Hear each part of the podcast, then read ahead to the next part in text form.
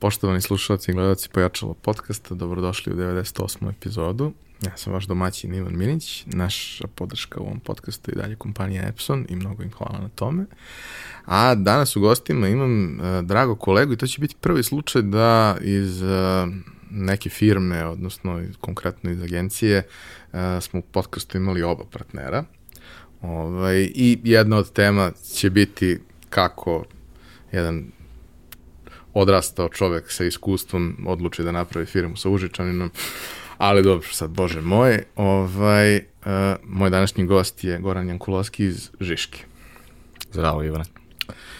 Ovaj, I sad, kad smo pravili tu neku pripremu šta bismo mi zapravo mogli da da pričamo sve. Ovdje ima mnogo tema, mi smo pričali pre podcasta, smo snimili jedan podcast onako anonimni, morali da stavimo one kockice u suštini, ko, ko u ovaj, Hagu što je bilo, jer tu, tu su ono kad sedimo, pričamo o klijentima i pomišljamo svi na suicid. Ovaj, ali nećemo se toga doticati toliko u, u ovome. Međutim, e, u pripremi koju, smo, koju sam pisao, ovaj, kad smo diskutovali šta bi to moglo da budu teme, ono što je uh, interesantno je ta količina šizofrenije ovaj, koja postoji u, u, u tvom životu. Ja ću samo nabrojati neke stvari, onda ćeš ti ja probaš da, da ih složiš na neki način, da mi objasniš zašto, po Bogu. Ovaj, a to da znam da si ti uh, veoma dugo aktivan u, u svetu ragbija, da je to tvoja velika strast. Ono što sam znao, ali nisam znao da je bilo toliko dugotrajno i ovako očigledno intenzivno, to je da si i salsu plesao 12 godina, a takođe znam da si pre nego što si krenuo svoj agencijski život, a negde i tokom tog nekog početka, da si bio vrlo aktivan uh, u debatama, da si radio i, i edukacije i treninge na tu temu i onda si na kraju završio u marketingu i brate, kad, kad stižeš, kad si stizao, Ja sam uh, imao, ja sam najbolje dete pre Bolonje, jer um, današnji klinci moraju da idu na fakultet i kao da zaista budu tamo stalno. Kao ja sam išao po onom programu gde si zaista mogao da se pojaviš na ključnim časovima, a da ne ideš na časove na koje ne moraš da ideš, nego možeš da učiš iz knjige. I onda sam u suštini napravio sebi dosta slobodnog vremena. Takođe, kada sam krenuo da se bavim debatom, moram priznati da je moje studiranje praktično stalo na dve godine. I jednostavno ovaj, koristio sam to vreme da se posvetim nečemu što mi u tom trenutku prvo bilo neverovatno interesantno. I da, jest, možda jeste da deluje šizofreno sve čime sam se bavio, ali uverovam te da je to jednostavno bilo sve meni interesantno iz nekog razloga. I ono što mi nikad nije bilo jasno, ovaj, kada, smo, kada su uveli Bolonju, ovaj, mi smo skupljali ljude za ragbi na fonu. I to je izgledalo tako što ono, uzmeš papirčić, na kome imaš ovaj, neki um, ispis kada je trening i tako dalje, loptu pod mišku, obučeš se u dres tako da štrčiš od svih ostalih i priđeš ljudima i kao, da li želite da trenirate ragbi, ono, da li imate vremena za našeg gospoda Isusa, jel? Ovaj, de, te godine kada su uveli Bolonju, prvi put smo počeli da dobijamo pitanje, a šta će mi to značiti u CV-u? I, Dobro, to je baš onako tipično fon pitanje. Da, ali je interesantno da se krenulo da se dešava te godine, odnosno kada smo prvi put krenuli taj rugby klub na fonu, na prvi trening se pojavilo 25 ljudi. Uh, od tih 25 ljudi jedno sedmoro, osmoro je mislilo da ćemo mi da igramo neki rugby šah, Znaš, nisu baš skontali da će to biti to full kontakt, a ovih ostalih što su došli su bili u fazonu super, ovo smo i tražili i onda smo imali ekipu jako brzo. Ove, ovaj, ali svi, niko tada nije pitao a šta će mi to značiti u CV-u, niko se nije bavio time zato što je to dobro za njegov razvoj, a, već su ljudi samo se a, predavali stvarima koje su bili, koje su im bile interesantne. I ono što sam ja naučio iz celog tog iskustva, to jest svih tih iskustava je ne ideš ti sa nekim ciljem, najviše što bi, eh, što bi mi trebalo je da se bavim debatom, jer će mi to značiti zbog recimo javnog nastupa i onda ću moći da prezentujem pred dobro pred ostalima i onda ću da imam veću platu na kraju i bolji CV. Nije to poenta, nego je poenta da šta god te privlači, čime god da se baviš, ti ćeš iz toga izvući neku vrstu lekcije. Ja, sam, ja, ja imam čak jedno predavanje koje ovaj, se zove uh, debata kao sport, u kojima sam stvari koje sam naučio na ragbiju pokušavao da prenesem debaterima kako, da, kako bi trebalo se ponašaju da bi, do, bi dobijali više debata, da bi bili uspešniji debateri. I jednostavno sve te stvari koje si sad pomenuo su stvari koje su meni u nekom trenutku bile interesantne. Um, ragbi je počeo da me zanima tako što smo ja i šestorica taka jednostavno jedno vreme, jedan dan ono, videli na trećem kanalu um, američki futbol, pokušali da igramo američki futbol, to nam bilo interesantno, onda je jedan naš ortak otišao na ragbi i rekao je zaboravite američki futbol, ragbi je daleko bolja ovaj, igra. Mi rekli ti si idiot, nemoj da se, ovaj, vrat, no, nemoj, nemoj se vraćaš uopšte. I onda posle godinu dana smo svi završili na ragbiju. Ovaj, I to je pitanje kako sam dospeo tamo. A, a zašto sam ostao? Ostao sam zato što je ragbi meni bio najveći izazov u sportu koji možeš da priuštiš sebi. Znači, koji god drugi sport da uzmeš, ragbi ima to što ima taj sport i još više. Znači, ti voliš košarku, na primjer. Um, kada Michael Jordan ide pod koš, Michael Jordan mora da razmisli o svemu što mora da razmisli jedan Cooper Cron koji je jedan od najboljih ragbista penzionista pre dve godine. Ove, ovaj, sa time što Cooper Prong takođe mora da razmišlja da će uh, lik od 120 kila koji upravo ide punom snagom na njega da, ovaj, da ga resetuje. Što je nešto što recimo jedan bokser treba da razmišlja, ali jedan bokser ne razmišlja o nekome drugom. Rugby je fundamentalno timski sport. I recimo kada dođu strani ljudi, uh, strani treneri, kada dođu u Srbiju, najviše ljudima govore komunikacija. Kao mi kada dođe strani trener i treba da ga impresioniramo, mi se zaletimo mnogo jako, onda se pobijemo znači, na, na, treningu, a oni stone i pričaju nam o komunikaciji. Recimo, e, treneri iz najprofesionalnije lige jako često pričaju o govoru tela. Kao ti možeš da provališ koji tim gubi na osnovu toga kako se šetaju po terenu ako se šetaju tako što su ono, pogrbljeni, ako gledaju u zemlju, taj tim neće dobiti utakmicu.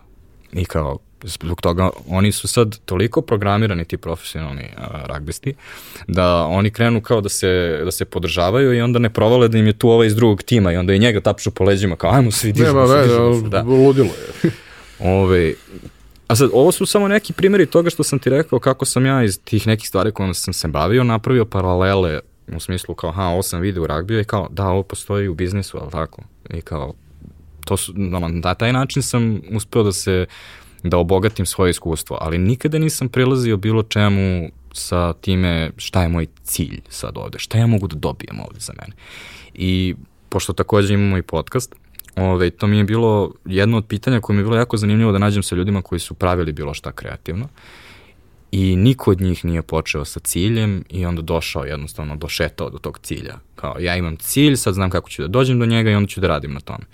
Svi koji su došli kod nas, koji su nešto počeli kreativno i kvalitetno, su u jednom trenutku imali onaj, e, možda bi moglo da, i onda se jako često da postoji onaj drugi lik koji, koji dođe i kaže, znam, to ćemo da uradimo sad. I onda svi kažu, ovo je totalno lud. I onda odjednom krene da se vadi kamera, krene da se upiru, ono, ljudi upiru prstićima jedni u druge, kao ti ćeš biti ovo, ti ćeš biti ono. I onda nešto krene da se dešava. I tek kad kreneš da radiš bilo šta, da li da se baviš uh, plesom, da li da se baviš ragbijem, ili da osnimaš svoju agenciju, tek kad kreneš da se baviš, ti posle ono, jedno mesec dana bavljenja time, se okreneš i kažeš sve što sam pretpostavljao da znam o tome, u stvari nije istina.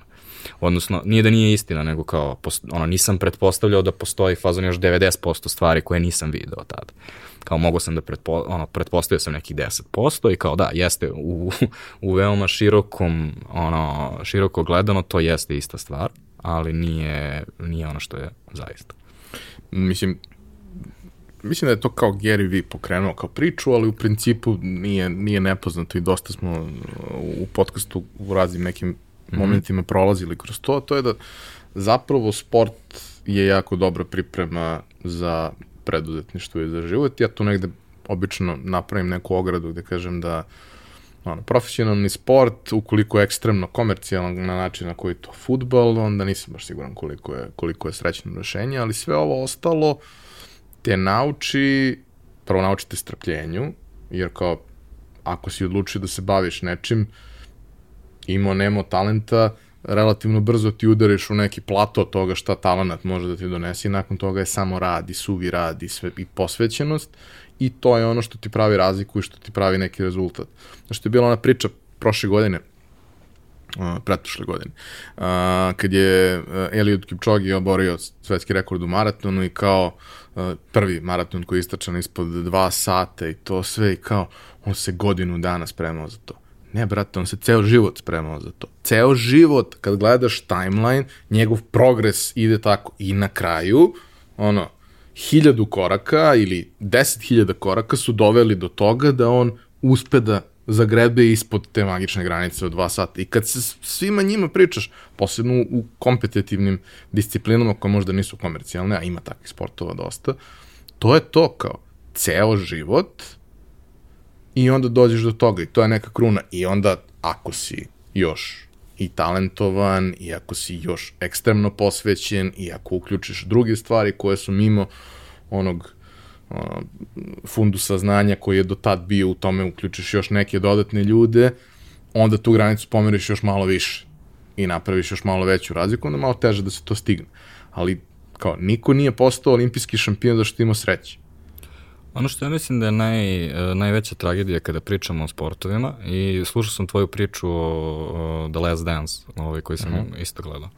Najveća tragedija je što se konstantno bavimo o, naj, najvećim profesionalcima.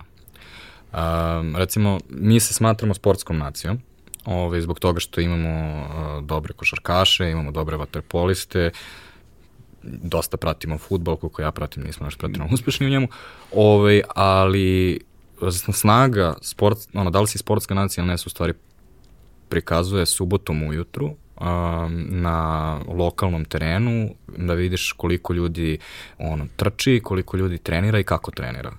Koliko ti amaterski sportisti koji nikad ne, znači ja i 95% ljudi koji se bavi ili ikada ragbijom u Srbiji nema talenta da dobije profesionalni ugovor u ragbiju.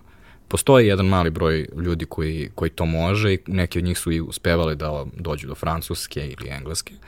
Ali ja sam znao, mislim, ja nikad nisam bio talentovan za ragbi, niti sam ni bio do pretrano dobar ragbista. Ali sam naučio jako puno o sebi. Mene je to iskustvo ovaj, promenilo dosta i veoma mi je vredno za nastavak života, jer sam bio u situaciji u kojem, ono, da, ja ne znam, ono, ja nisam najveći na terenu, ja nisam najbrži na terenu, A, ali kao morao sam da naučim kako da onda do, ono, kako da u, usmerim ovog najvećeg na terenu da bude blizu mene i da mu dam loptu kad treba, na primjer. Takođe, um, ja sam organizovao klubove. Ja nisam bio, um, ja nisam bio superstar. Recimo, to je još jedna stvar koju naučiš u sebi i koja uh, je kada se nađeš u bilo kojoj grupi kao koji si ti lik u stvari tu, kako, kako uh, ostvaruješ odnose sa svima ostalima.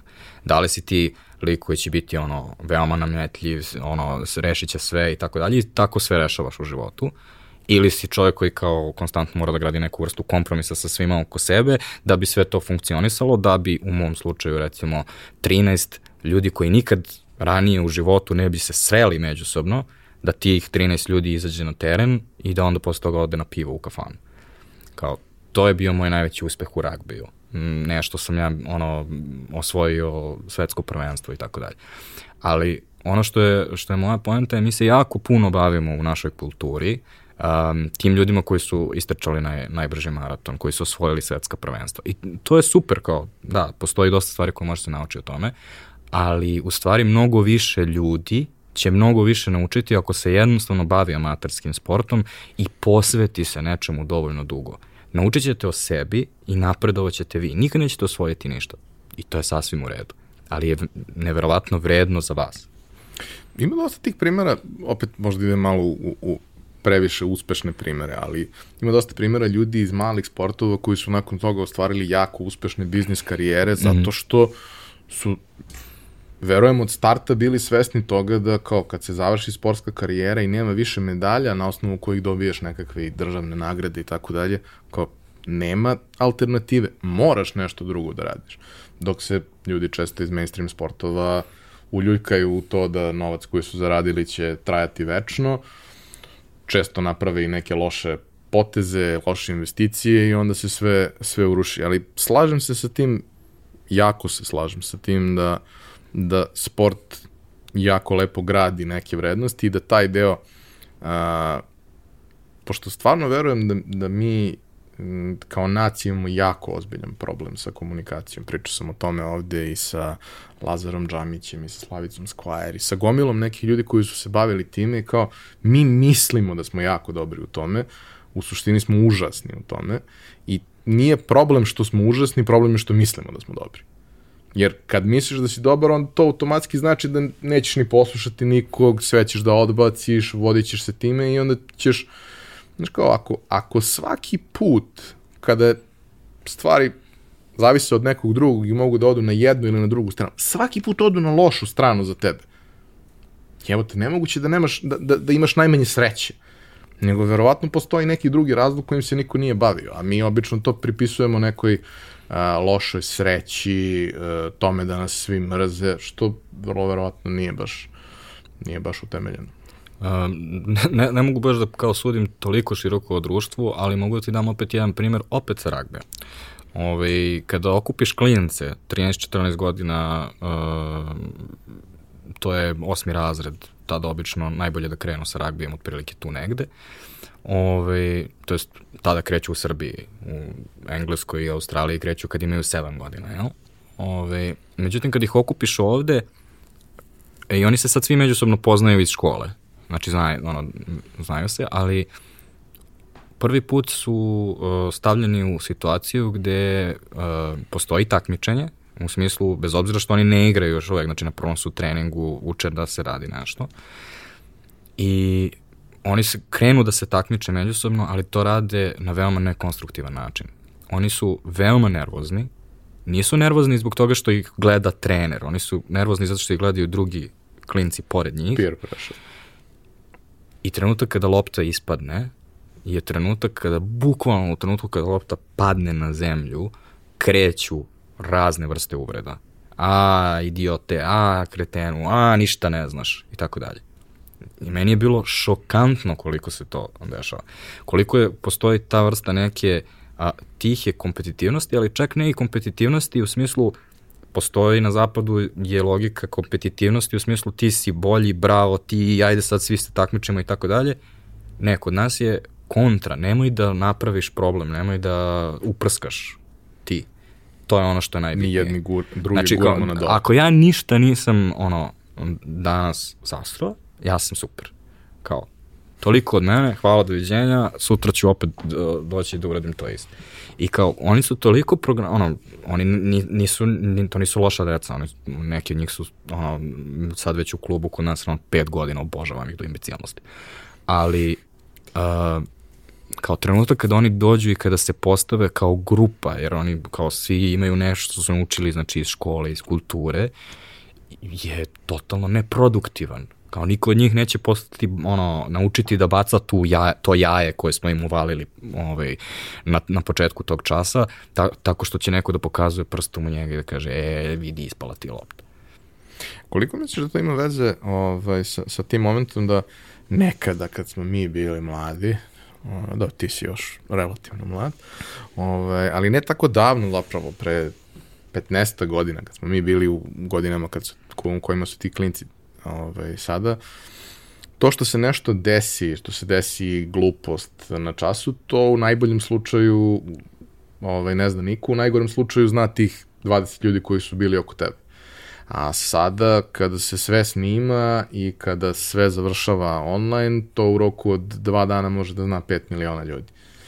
Mislim da to ima dosta veze sa nekim drugim stvarima, ali ne sa ovime. Ovde je, um, kao ovo je, delo mi da je ovo dosta um, visceralnije, onako, kao, više dolazi iz stomaka i više dolazi iz njihove učionice i njihovih odnosa koji imaju, na primjer, na velikom odmoru. Kao, to su mnogo više ono, uh, oštri pogled i uh, upirivanje prstom nego što je, ono, snimili smo telefonom pa nešto. Mislim da današnji klinci jesu obeleženi tehnologijom ovaj, jako puno, ovaj, ali to se dešava na neke subtilnije načine, mislim da je ovo kao do, naš, do naše kompetitivne kulture, zbog toga što ja to vidim i kod ljudi koji su stariji, samo što to ne vidim na ragbi terenu da je to baš očigledno i kao stariji ljudi su se malo pacifikovali pa neće upreti prstom i reći aha, ispalo ti je, ali hoće recimo u biznis okruženju uh, će jako uh, agresivno napadati nečiji uh, fail, odnosno kada nekome ne, ne prođe nešto dobro, umesto da to iskoriste kao priliku za učenje, na primjer kao kako se, pres, kako se kompanija postavlja prema greškama, odnosno kako se mi kao poslovna kultura postavljamo kao greškama, ka greškama je, ja mislim, dosta pogrešno. Jer, ono, opet viđam da je kod nas, kao viđam isto tu taj pattern koji sam vidio, znači sa klincima koji bacaju jaje, viđam i u uh, biznis planovima kada, ono, daj da stavimo manji KPI, da ga sigurno prebacimo da sve bude okej. Okay um, hajde da samo ne pravimo preveliki projekat, jer ako previše para potrošimo, neko će upreti prst u nas i bit ćemo u problemu. Hajde samo sitno, hajde samo ono što znamo. I hajde samo safe. Da, recimo, ima ona metodologija 70-20-10, znaš na nju? Kao 70 da. stvari koje je radilo od uvek, 20 stvari koje su radile u skorije vreme, pa kao jesu malo eksperiment, ali u suštini su samo nove stvari koje treba da radimo i 10 stvari koje je totalni eksperiment mi najviše od svega failujemo u tih 10%, koji su ono totalni eksperiment za žmuri, da vidiš ono šta se desi a, i da naučiš iz njega. E sad, razlog, drugi razlog zašto ne radimo tih 10% je zato što smo užasni u analiziranju tih failova i u učenju iz tih 10%. Jer ono, jednostavno um, jako malo imamo sigurnosti u sobstveni um, sobstveni položaj kada uđeš u pos, prosečnu staklenu kancelariju u conference room. Um, svi ljudi su jako stisnuti, uh, šta će reći, šta će drugi misliti o tome što, što će reći, um, da li su oni sta, stavili, vezali sebe za neku vrstu inicijative i onda ta inicijativa nije baš prošla najbolje. Ja, ko snosi odgovornost na kraju za to, a, a vrlo često postoji taj moment, što je isto, mislim, priča za sebe, da kada dođeš sa klijentom gde suštinski vi zajedno treba da radite na nečemu i vi zajedno treba da donesete rezultat. I jednima i drugima, ali, a kažemo primarno njima, oni se postavljaju iz ono, pozicije moći kao, znaš, ko, mi, mi ovde, a vi ste naše sluge. Ne kao, ne funkcioniše tako, mi zajedno treba da postignemo neki rezultat. Mi ne možemo bez vas to da uradimo, a vi ako možete bez nas, pa što ne radite onda bez nas? Ajde kao da se dogovorimo da budemo u tome svemu nekako partneri. No, opet, ovo mislim da je kulturološki, um, ovaj, zbog toga što ja sam tebe unajmio za nešto, ti meni rešavaš problem, to je način na koji tradicionalno gledamo na te stvari i kao postoji ogromna um, ogromni um, ono sudar uh, interesa koji ljudi percipiraju umesto da percipiraju da, da radimo ka, isto, ka istoj stvari. I to je ono što, postoji onaj template korporativni intervju koji ovaj, se piše i sad u tom templateu uvek postoji ono a, poverenje je najvažnija stvar, je li tako? Ove, ovaj, I to zaista, nažalost, jeste, ist, mislim, jeste istina, nažalost je izvitopereno u svakom ovaj, templateu korporativnog intervjua, jer pitanje je da li to poverenje zaista postoji. Ako, ako um, iz mog iskustva što kompanija više posmatra svoje podizvođače, agencije, kooperante i konsultante kao da rade zajedno na nečemu, odnosno što im više veruje, to su bolje na kraju rezultati za, za na kraju opet tu kompaniju. Ako I to je, i to je čudno. izbor saradnika, ali ako ne naprave dobar izbor, ok, promeni, mm -hmm. ali ako si uzeo nekog zato što on to nešto zna, poslušaj ga. Daj mu šansu. Razmisli o tome šta se, šta je u našoj kulturi ovaj šef. Recimo sad, baš sam krenuo da gledam meso i kosti od Pejakovića. I tu postoje gomila ljudi koji tu treba da budu kriminalci neki, jel tako? I sad oni su ljudi koji završavaju stvari, znaš. I sad kako, ljudi, kako ovaj, oni u seriji uh, tebi objasne da su ovo ljudi koji završavaju stvari tako što se deru na telefon. Kao oni uzma i kao uvati telefon i onda nekome tamo, jel tako? I kao onda spusti telefon, nažalost, pošto je mobilni, ne može više da ga tresne onako u slušalicu. I kao on je završio posao, zbog toga što je on izdominirao nad nekim. I onda mi znamo to je lik koji je baje. Kao, to je korisno kao, ono, i u Hollywoodu se nekad dešava, ali ja mislim da gomilo ljudi kod nas pretpostavlja da je to način na koji, ono, budi, ono, as tough as you can u biznisu. A kao suštinski, kao dobri biznis sastanci su ono, jedno veoma dosadno vanila stvar, je li tako?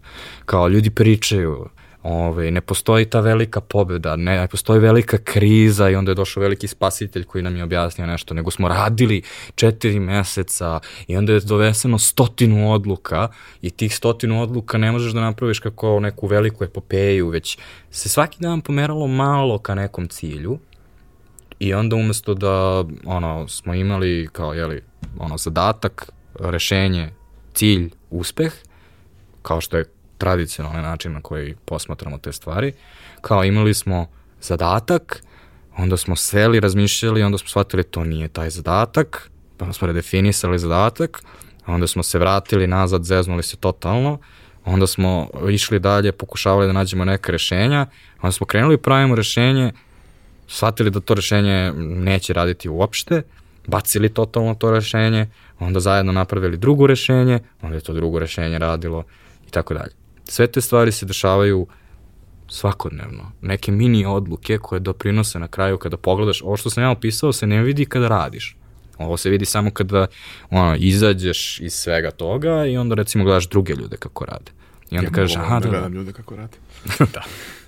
Ove, ovaj, ne, ima tu mnogo nekih momenta, znaš, recimo, skoro sam pričao sa kolegom koji je dovio ovaj, da upravlja jednim timom ljudi koji nije baš na, najpouzdaniji tim na svetu, kao što generalno timovi nisu pretirano pouzdani i sad on drka ljude, znaš, on drka ljude. E sad on ne kapira tu jednu stvar ovaj, koja je dosta bitna, to je to radi, mislim, zašto zoveš ljude i vičeš na njih, zato što to radi, onda se to desi. Ali ako ti treba dugoročno da radiš sa tim ljudima i nastaviš mm. tako da se ponašaš, naravno da će da bude ono, dečko, dečak koji je vikao Vuk. Mislim, u nekom trenutku više niko neće da te doživljava ozbiljno. Mora da postoji adekvatan pristup za adekvatnu situaciju. Moj posao je bio prethodnih 15 godina da mnogo trkam neke ljude sa svim tim ljudima ja sam danas u najboljim mogućim odnosima, zato što oni znaju da ako ja kažem ljudi ovo je stvarno jebeno hitno i veliki problem, jeste, ja to ne kažem zato što kao, aha, vidim da si ti sad odmaraš, pa kao, aj malo da ti, ovaj, da, da te gazi malo danas da zaradiš platu. Ne, brate, nego kao, sad smo napravili problem, aj moramo da rešimo to. Ajde da budemo pametniji sledeći put. Da li misliš ovaj, da postoji, ja mislim, ali sad kao zanima me šta ti misliš, ovaj, postoji određeni životni ciklus u kome se nalaze kompanije u Srbiji danas? Uh, imamo sa jedne strane uh, firme koje su uh, nastale ono, početkom 2000 je postavlja njihova management struktura, management kultura. A sa druge strane imamo ove IT firme koje praktično postoje na, na stranom tržištu ove, i koje imaju totalno suprotnu kulturu. Znači, ovo što si sad opisao je nekako teo te tradicionalne kulture, a to je ono, teorija X managementa, jel? Kao stisni ljude, stisni ih. A sa druge strane, uh, pošto u, u, u informacijalnoj tehnologiji imaš ogroman problem da dođeš do kadrova, onda ako to radiš ljudima, onda ti ne ostaju kvalitetni ljudi sa kojima možeš da napraviš nešto. I onda sa druge strane imaš uh, firme koje su uh, nekako sve može, sve je popustljivo, dosta, ono, dosta relaksirano se se ono, dešava kao I ono što je problem je što svi percipiraju kod tih drugih firmi samo taj deo, u smislu, aha, oni, uh, niko se ne dere na tebe, ne, ne radiš preko vremeno, um, plata je redovna i slične stvari. Ove, međutim, kao, mislim da onaj deo koji, koji većina tih firmi u stvari radi, ali ne vidi se dovoljno, je kao da, neko prati rezultate i onda posle određenog vremena kao, ok, ovo što radimo ne ide, I kao, i dalje imaš taj isti razgovor, samo što on nije obojan emocijama. Jer kao kod nas ljudi dosta emotivno, to je baš suludo, zato što mi smatramo da smo veoma neemotivna nacija. Ali to što si ti opisao sada, ako ja nekog, ako se ja derem na nekoga, znači ja imam emociju ljutnje, a ona dolazi iz neke emocije iza toga, što znači da smo veoma emotivni u biznisu u stvari. Kao, zamisli ono, dođemo da pričamo o tome, kao, ok, um, dobiješ kao dobiješ otkaz zato što ne ide ti ovo, ne ide nama da izvučemo iz tebe to što ti treba da izvučeš, hajde da pričamo o tome kako da ti bude bolje negde drugde, a možemo nekako ti pomognemo i tako dalje. Kao, to ne zvuči kao klasična priča, ali da? Pa dobro, mislim, uh, mislim da postoje ono, taj ceo bubble sa IT firmama koji je m, specifičan na mnogo načina i mislim da i tamo postoji dosta situacija u kojima mm. se viče, da postoji dosta hajpa koji nije realan. Ja još nisam video uh, u nekom game roomu, u nekoj IT firmi, da neko zapravo sedi i igra igrice. Oni postoje, ali ne vidim baš da se ljudi nešto mnogo otimaju oko toga. Ali sa druge strane, ovaj, činjenica jeste da uh, moraš da neguješ zaposlene zato što nemaš izbora. Nisam siguran da je to stvar želje ljudi koji upravljaju time, nego prosto to je tržišna pozicija sada. I šta je neki moj utisak, možda defetistički malo više, pošto ja sam taj što je negativan i hejter, mislim i ti si, ja nisi toliko, da si mlađi. Ovaj, a to je da recimo dosta tih firmi, ne pričamo o product firmama, njih ima jako malo firme koje imaju svoj proizvod i ok, tu je i potpuno drugačija organizacija iznutra, ali 90% tih firmi koje kao imaju dobre plate, to sve su manje više outsource, napredni ili manje napredni. A, tu nema te vrste pritiska, ponekad neki projekat jeste važan, pa se prokliza, pa se on, pa onda postoji, ali u principu nema te vrste pritiska. Ali isto tako, ovaj, uh, znaš kao, kada, uh, kada umire zvezda, onda se dešava ceo jedan neverovatan proces. Kada umre ta firma, niko ne zna, ono, kao, ljude baš briga. Uključujući i zaposlene. Ono, kao, jer kao, za 7 dana će raditi za istu platu ili veću platu negde drugo, baš ga briga, radilo je neko vreme, više ne radi, te će kancelarija da se prekreće, se stavi drugi nameštaj ili neće ni da se stavi drugi nameštaj, nego će se neki call centar tu i kao koga briga. I mislim da nije dobro ni jedno ni drugo, odnosno nisu dobri ekstremi ni na jednu stranu, već da to treba da bude negde, negde između odgovornost mora da postoji. Ako ne postoji po defaultu, a ne, uglavnom ne postoji po defaultu, ljudi po defaultu naši nisu odgovorni kao sad ja, znaš, to je... A to mislim da nije naša kultura, ono, to mislim da je generalno ljudi, ono, ako, ono, mora da postoje i neki objektivan sistem dodeljivanja odgovornosti, Kao, ja verujem recimo da ljudi sa kojima ja radim su prirodno, imaju dosta jaku radnu etiku. Zašto ali, si ti birao? Da, ali Znaš. ja znam koliko je dosta teško bilo da se mi razumemo uh, šta je čija odgovornost. Kao, ja sam počeo to da pričam kao neki ono management guru iz Amerike, ono što, što mu svetle zubi, kao, kao preuzimaš odgovornost za ovo. I onda kao ljudi me gledaju, šta priča ovaj? Ja sam kao, preuzimaš odgovornost za ovo. I kao, onda kada dođemo posle do toga da se ne... Zato što jako je teško definisati tačno šta je neki zadatak. Uh, pogotovo danas u biznisu većina stvari koje radimo ima gomilu sivih zona. Dokle je tvoja odgovornost, dokle je moja odgovornost. I onda se, uh, onda se dosta često desi da a, ti ne stigneš da objasniš nekome šta je tačno sve što treba da uradi, a neko pretpostavi da dobije, da uzme manje odgovornosti nego što treba da uzme. I onda ti si pretpostavljao sve vreme da će on pokupiti nešto u sivoj zoni, a on je pretpostavljao da ćeš ti nešto pokupiti iz sive zone. E sad ono što je moje rešenje o, za to je prvo od edukacija o tome da sive zone postoje i da je u stvari razlika između ljudi koji su performeri i ljudi koji nisu performeri je to koliko se bore za sivu zonu, jer a, znaš one ljude koji samo ih pustiš na projekat i onda čuješ neko burgijenje i nešto i samo izađe faktura i on izađe onako ono, prljavi štraka, kao u fazonu završeno. kao, I ti si u fazonu, okay. Ja sam ceo život e, taj čovjek.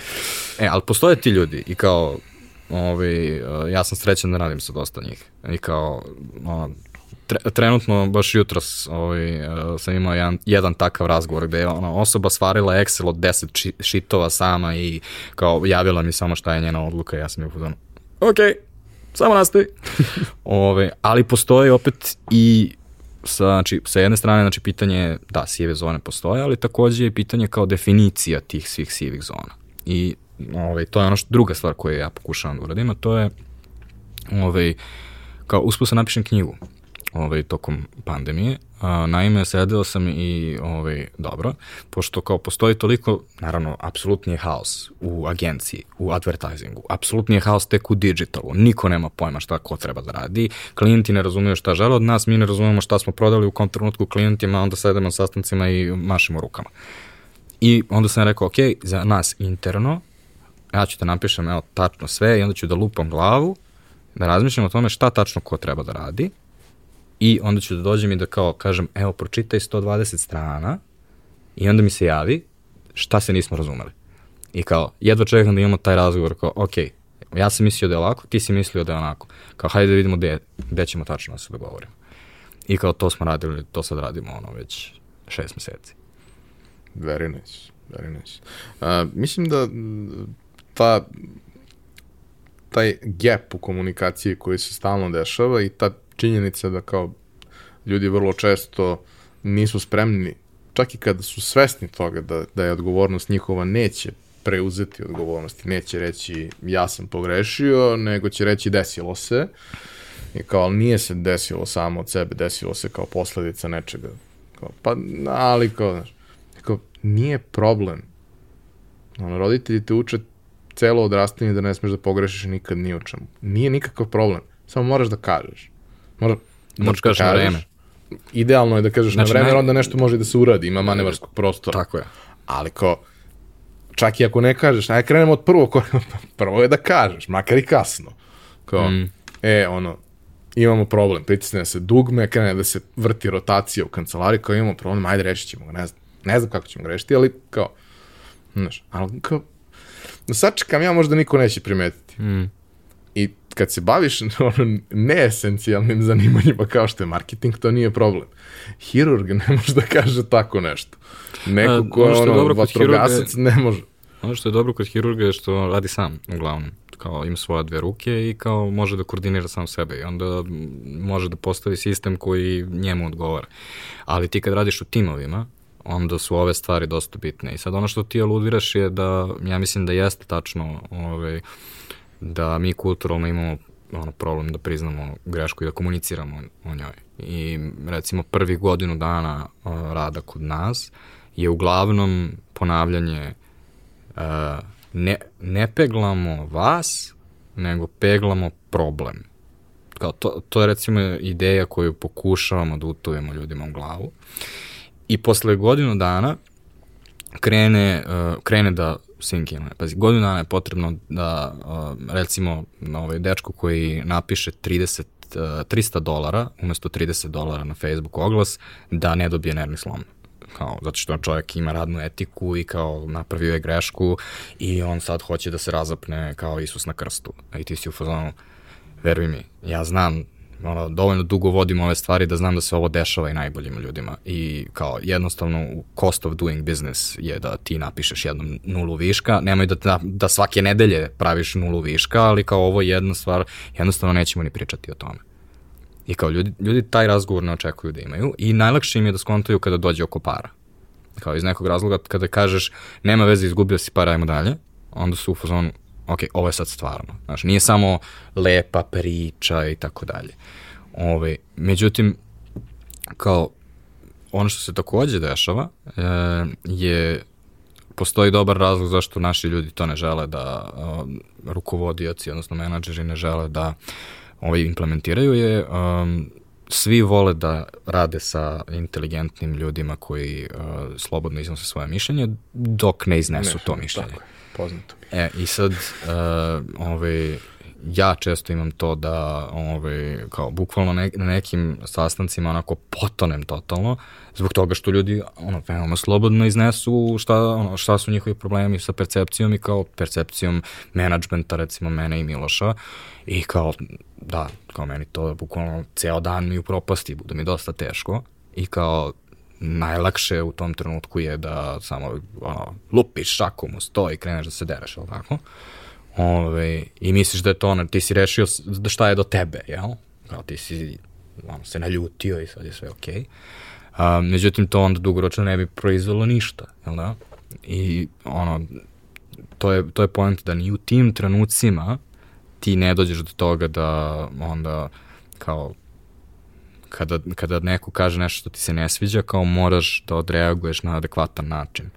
Jer i to ne samo, ne samo nominalno, u smislu kao hvala ti na tom feedbacku, kao, jasno iz mog tona, jasno iz moje face da nisam želao da nisam želao. Mislim, ja generalno nisam čovjek koji je pretredno ekspresivan, ali u tim situacijama da, vidi se da li ja grizem ustu ili ove, istežem vilicu i uh, veoma sam iznerviran i kao naginjem se i kao ću da iskočim sa, sa stolice ili sam ovaj, zaista, zaista cenim tvoj feedback. O, ne, okej. Okay. E sad, meni je recimo do, to dosta teško ovaj, i ja uvek imam ono, ja mnogo brojim do 10 u glavi. ono kao, A, I onda sam u fuzonu, da, da, da, kao, ovo je dobro, ovo je dobro ono što se dešava. I kao, to je jedna od stvari koja je dobra kao kad imaš uh, nekoga kao što je Miloš, zato što je on uvek taj koji uvek me podsjeti na to, kao, ne, ne, ovo je dobro, ovo smo želeli, zaboravio si. Kao, ti si ovo hteo.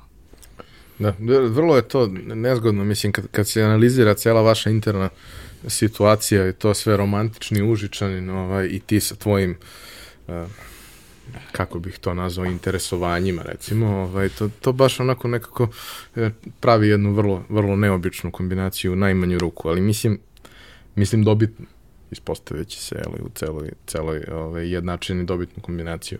A, hajde vratimo razgovor na neki tok, mislim, pošto meni lepo ovako, možemo i ovako do preko sutra, ali pojenta je da ljudima ispričamo priču i sad obično ovo bude oko trećeg minuta, Ovaj, kod nas baš sad ovo prilikom i neće, ali uh, šta si te da budeš kad porasteš? Uh, u vreme kada su me pitali to pitanje kelner, pevač uh, i vozač. Ove, ali uh, postoji u stvari dobar razlog, to sam shvatio posle kad sam odrastao. Ove, moj deda je bio um, sekretar Ministarstva za ekologiju i stalno je imao vozače koji su, ono, šta rade sa klincem od šest godina, koji, ono, ide na ručkove, kao, ono, bleje s njim, pokažu mu malo volan, vidi kako je sve super, tebi to sa šest godina ludilo mozga. Ove, šta sam ja radio dok, ono, moj deda sedi u restoranu i kao priča sa, ove, direktorom nacionalnog parka da treba da grade nešto i tako dalje. Ove, ja sam sedeo sa kelnerima i onda sam bukvalno bilo mi toliko dosadno da sam bio, mogu ja da nosim piksle kao da menjam ljudima kao, znaš, kao, to je bilo vreme kada nije bilo tableta za, za decu, tako da ovaj, um, morao sam se zavuljan kako sam stigao. Ovaj, tako da zato su mi svi ti ljudi bili ovaj, bliski, a dosta sam išao ovaj, sa dedom na, na te razne ono, puteve, ručkove i to. I oni su bili beskreno zabavni i ti ste mm. budeš zabav. Da. Ovaj, uh, šta ti je ta neka priča sa, sa, sa formalnim i neformalnim obrazovanjem, dotakli smo se toga, ali šta misliš da, da je najvrednije što su ti te stvari donele? Vrlo često, mislim, gotovo nikad se ne dešava ovde da ljudi koji su studirali nešto se zapravo bave tim. Mislim, bar mi kad pričamo ovde. Ove, ovaj, ti jesi studirao dovoljno opštu stvar da možeš da se baviš bilo čime. Nisam. Ove, ovaj. ti pretpostavljaš da sam ja studirao samo fond, pa pretpostavljaš management, ja sam završio programiranje. Dobro, ali, ali na fonu. Da, da. Šalim se. Ovaj, ali daje širinu, svakako. Nije da, da. nešto što te opredeli za ceo život kao jedinu opciju. Mislim, mada ima, znam gomilu ljudi koja je studirala tako nešto, pa se povukla nekom svojom strašću. Šta su najvrednije stvari koje ti, koje ti donalo to formalno obrazovanje? Um, I neformalno? Ono što me, uh, mi je formalno obrazovanje donalo je stvarno jeste uh, velika širena.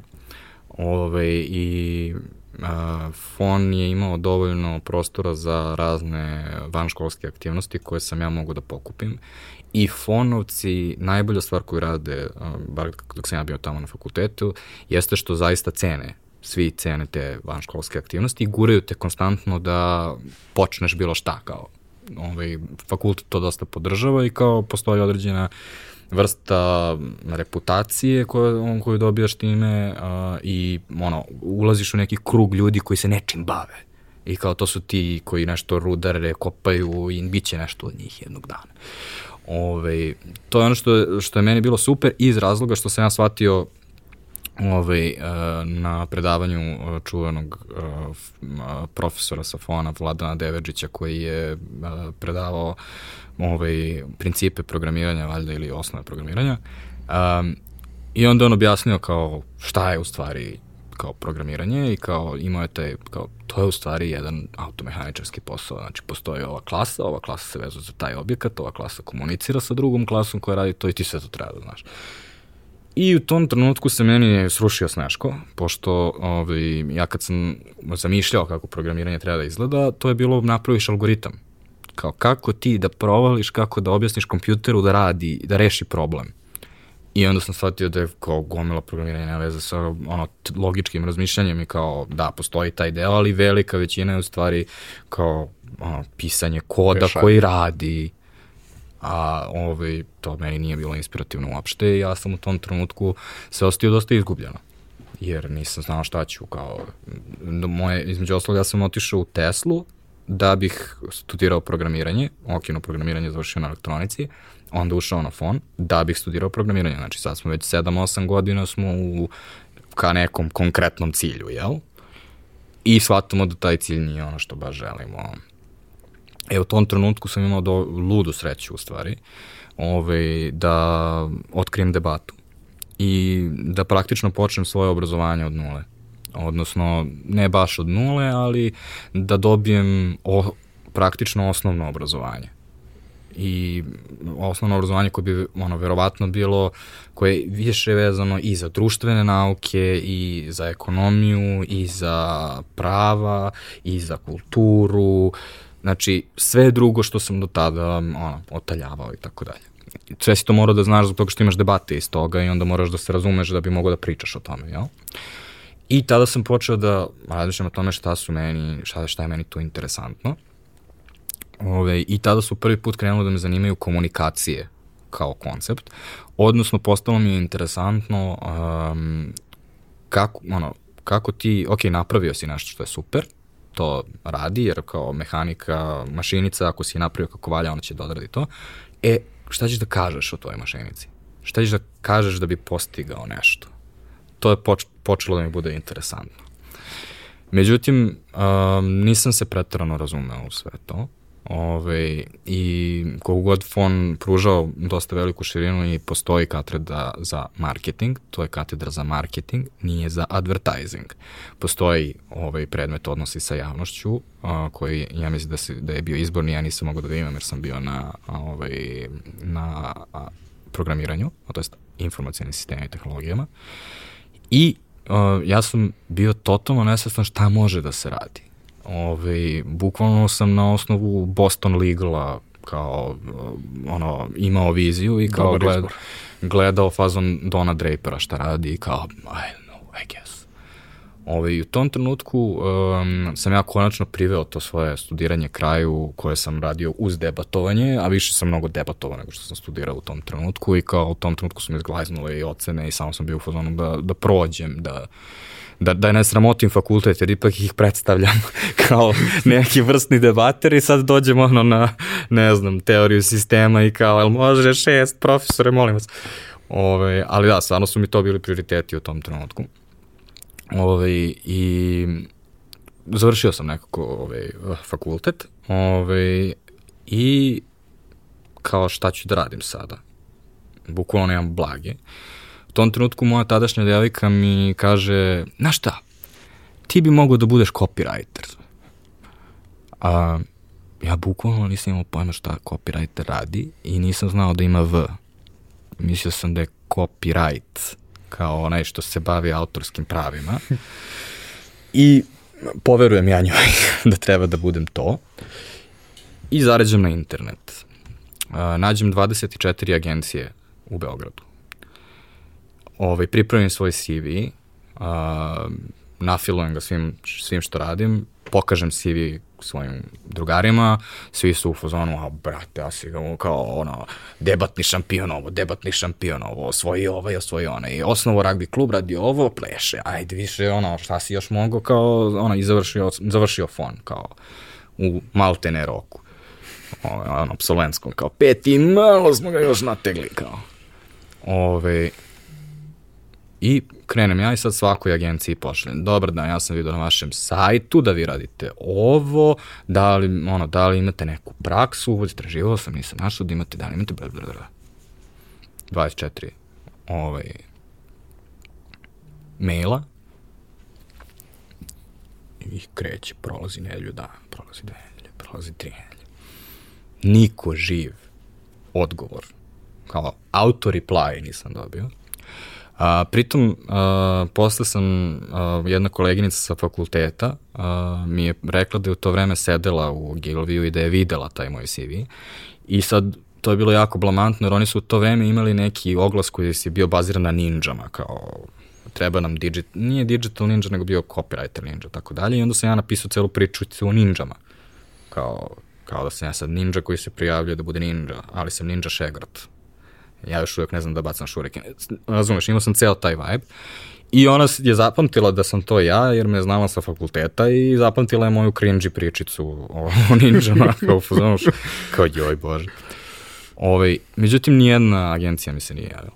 Ove, ovaj, znači, ona, pokušao sam najbolje što sam mogao i uh, u tom trenutku uh, ovaj, ništa, ajmo kroz debatni klub, um, ovaj, iscimam uh, direktno ovaj, uh, Vesnu iz egzekutiva, koja je isto bivši debater i kažem, ono, li imate vi neku praksu, nešto?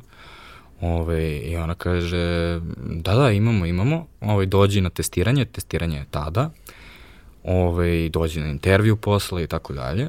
Ove, pritom, uh, ja sam kao, otišao sam u PR agenciju, na PR praksu. U to vreme digital je, ono, tek počeo. To su oni čudni ljudi u Čošku. Da, tamo je Savić koji, i još troje ljudi. Fazno. Ove, I um, ja idem na intervju za PR, uh, šta je prva stvar koju treba da uradiš? moraš da ideš da se obučeš, jel tako, kao odlazim u ono ušće, kao kupujem neke pantalone kakve nisam imao ranije i tako dalje, sve to na notice. Uh, Međutim, ja pojma nemam u stvari čime se bave PR u tom trenutku. Ovaj, um, ja sam u fazonu, oni rade nešto sa političarima, valjda ja ću kucam neke govore. Tako sam nešto tu sam mišljao.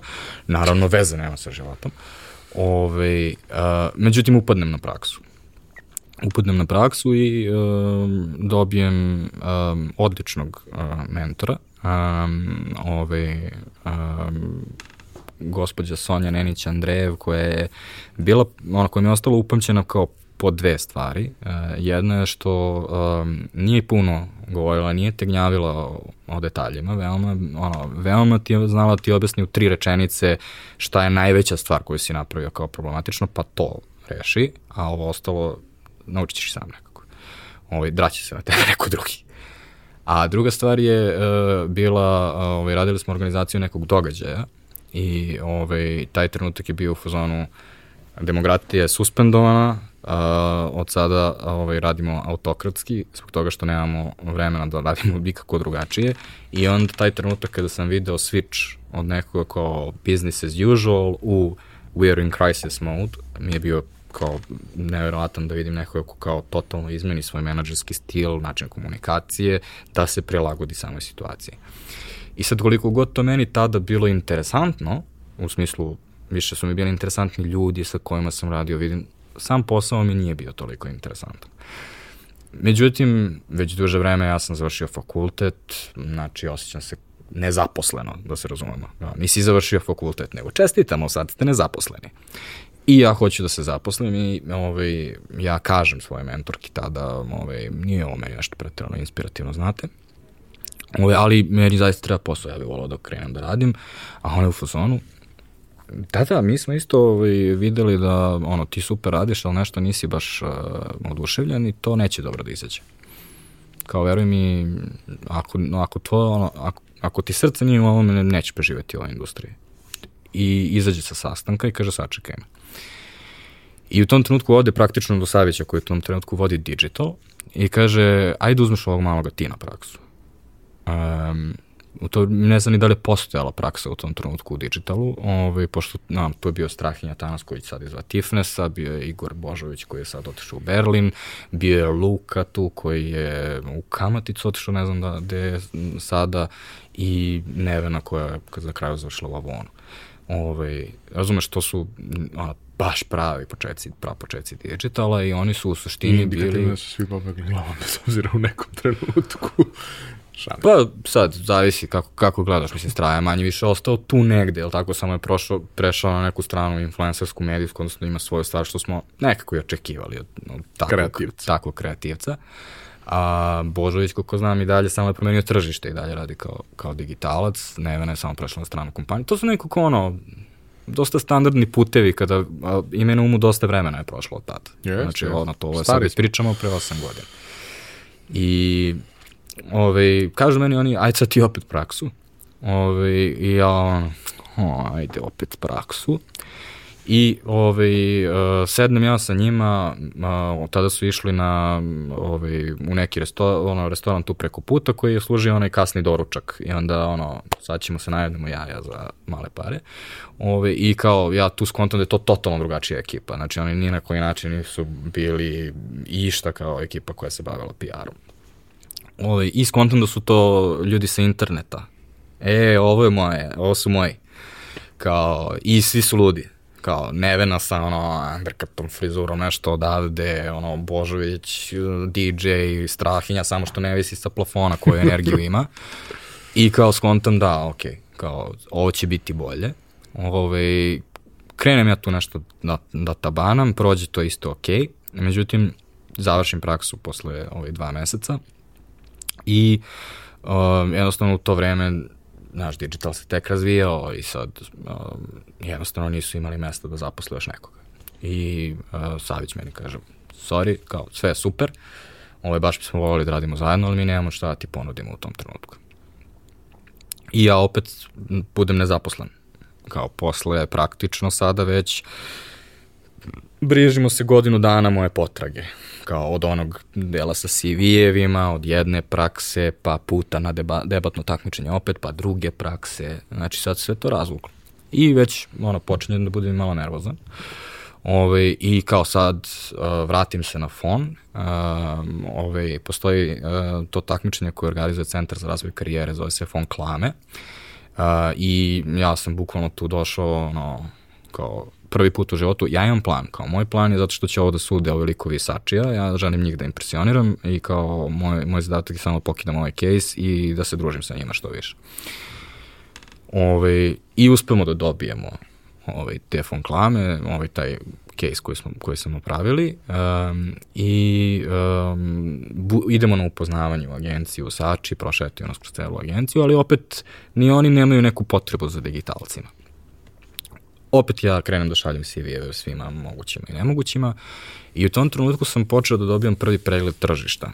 Uh, zbog toga što sam ja njima objašnjavao šta sam ja radio u egzekutivu, u smislu uh, bio sam na razgovoru u jednoj tradicionalnoj agenciji koja je, u kojoj je žena prsla od smeha da smo mi imali pitch za Facebook I kao krenulo se smeje, izbacila me napolje, kao, kao šta hoće ovaj, kakav pitch za Facebook, ko je što pravi. Ja, zamisli za internet ćemo da imamo pitch, ma ko, niko to ne radi. I skontam u suštini tada da sam ja dosta čudan kadar, ove, ovaj, jer kao, ja nešto kao znam, a to nikome ne treba, ove, ovaj, jer niko to još nije zarovalo. Ove, srećom, negde pre nego što sam ja tu poludeo od uh, tih meseci i po dana dodatnog uh, nezapošljenja.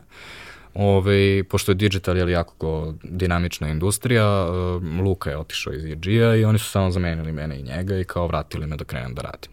I tako je krenuo moj, moj put u digital. Uh, u to vreme, kada sam ja krenuo, uh, niko nije imao pojma šta će to biti. Ako se sećaš, digital je bio neželjeno dete advertisinga i PR-a. Kako se ne bi sećao, ti pričaš o 2012. ja se sećam 2006. Da. I trauma vezanih za to. To je u tom periodu još uvek bilo ono kao mi moramo da potrošimo 2% budžeta koji smo dobili na to, ajde, ajde nešto samo, nešto.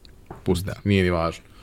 I u to vreme se ga nekak izvali online PR ili EPR, a, i to su mm, bile PR agencije koje su pokušavali da vežu, znači digital je više kao PR, a neki su ga zvali digital advertising, digital marketing i to mm, je bilo struja kao, kao ovo, je kreativ, ovo su kreativci samo nešto drugo. Znaš šta, mislim da je ta fora sa, sa, sa kao digitalnim PR-om i zašto je to uopšte komunicirano na taj način, to sve zato što e, e, internet nije donosio ništa dobro, ali ponekad pravio probleme.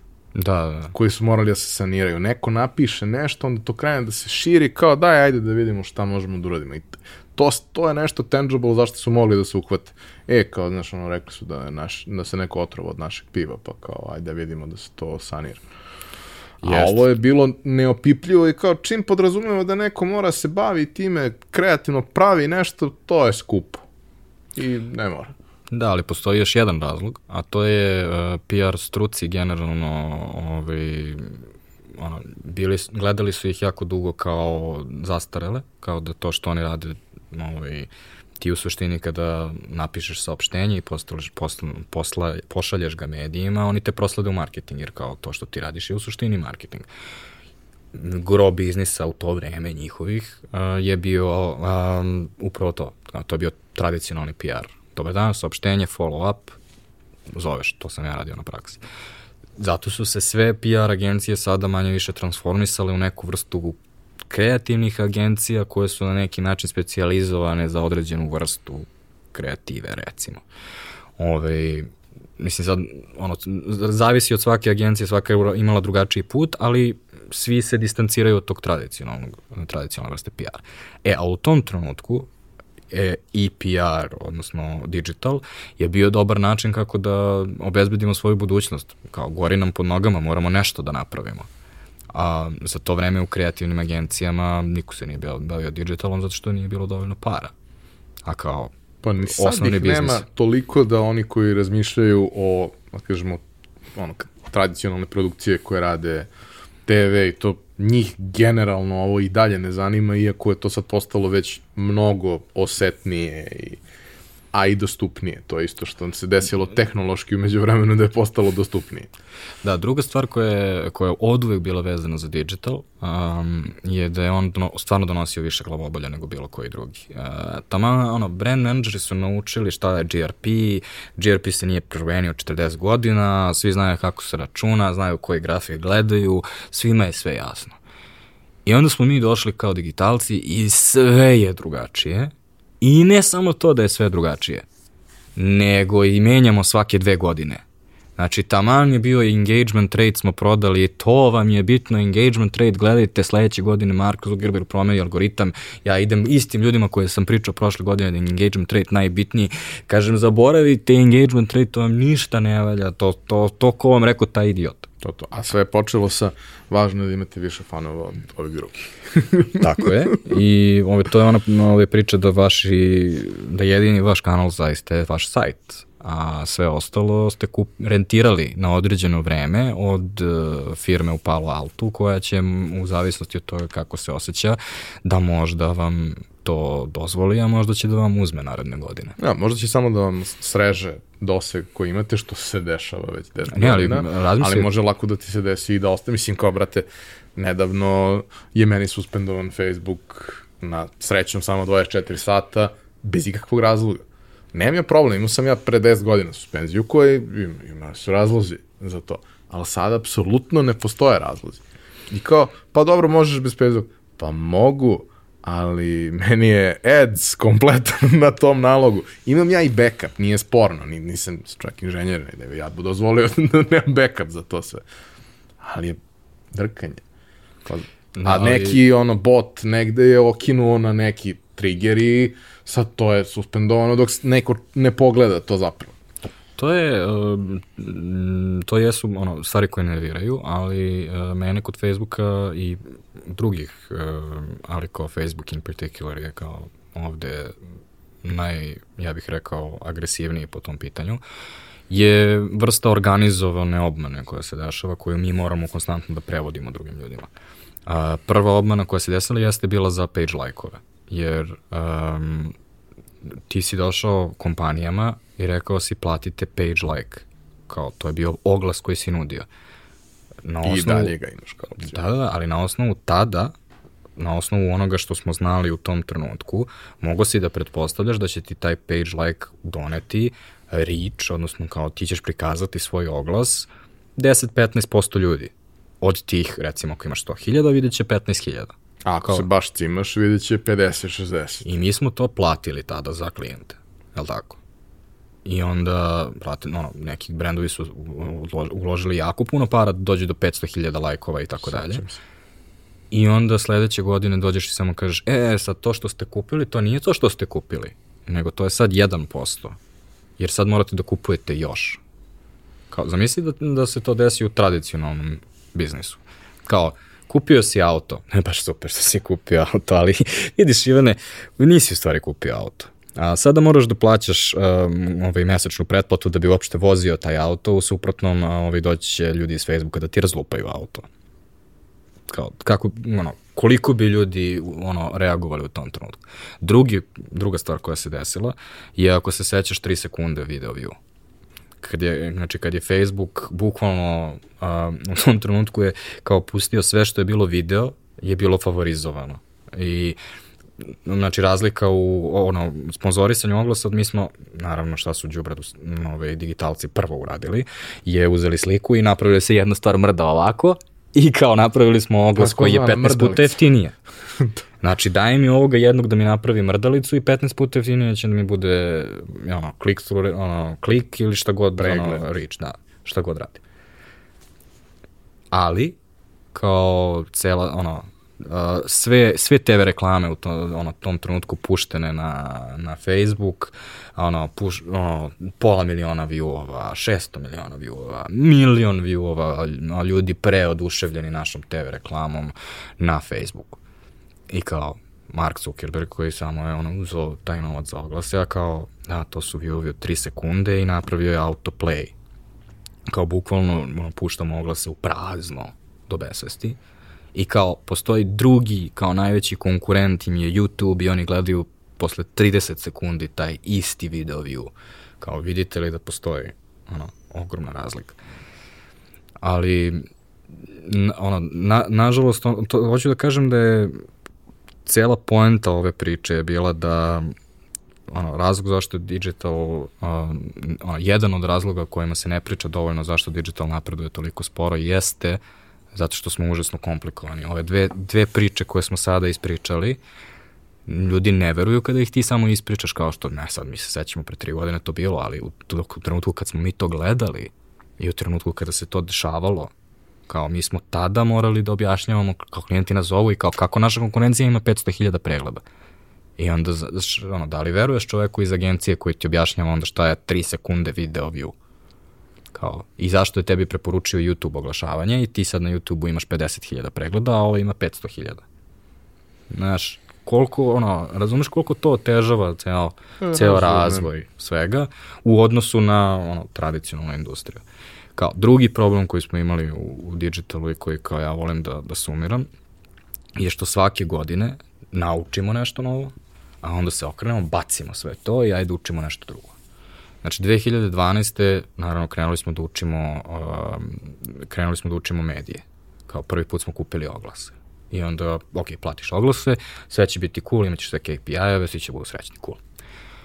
Sledeće godine, počne, ono, ok, sad, sad su nas natrali da platimo oglase za postove, sad, znači, sad je bitno šta, bitnije mnogo šta postujemo, znači, ajde da, ono, počnemo da se bavimo malo copywritingom, da neko osmisli nešto interesantno, u to vreme, ako se sećaš, glomila stranica i dalje imala one forwarduše, ono, sa 9 gega i kao staviš, ono, kao, ili je bila ovaj, isto ona tehnika, ono, preslatka životinjica sa stoka, gde je moj proizvod?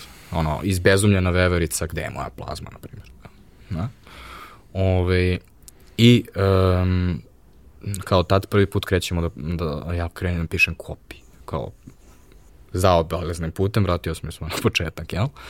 Onda, 2014. aha, sad smo provalili, kao i sad Instagram već krenuo, fora je u tome što, znači, kada obični ljudi postuju na Facebook, oni postuju neke fotografije, fotografije ljudi koji nešto rade, a kada mi kao stranice postujemo, mi stalno nešto dizajniramo i tako dalje, i onda ljudima to ne, ono, ne paše da je to sadržaj za Facebook, znači moramo da krenemo fotoprodukciju prvi put.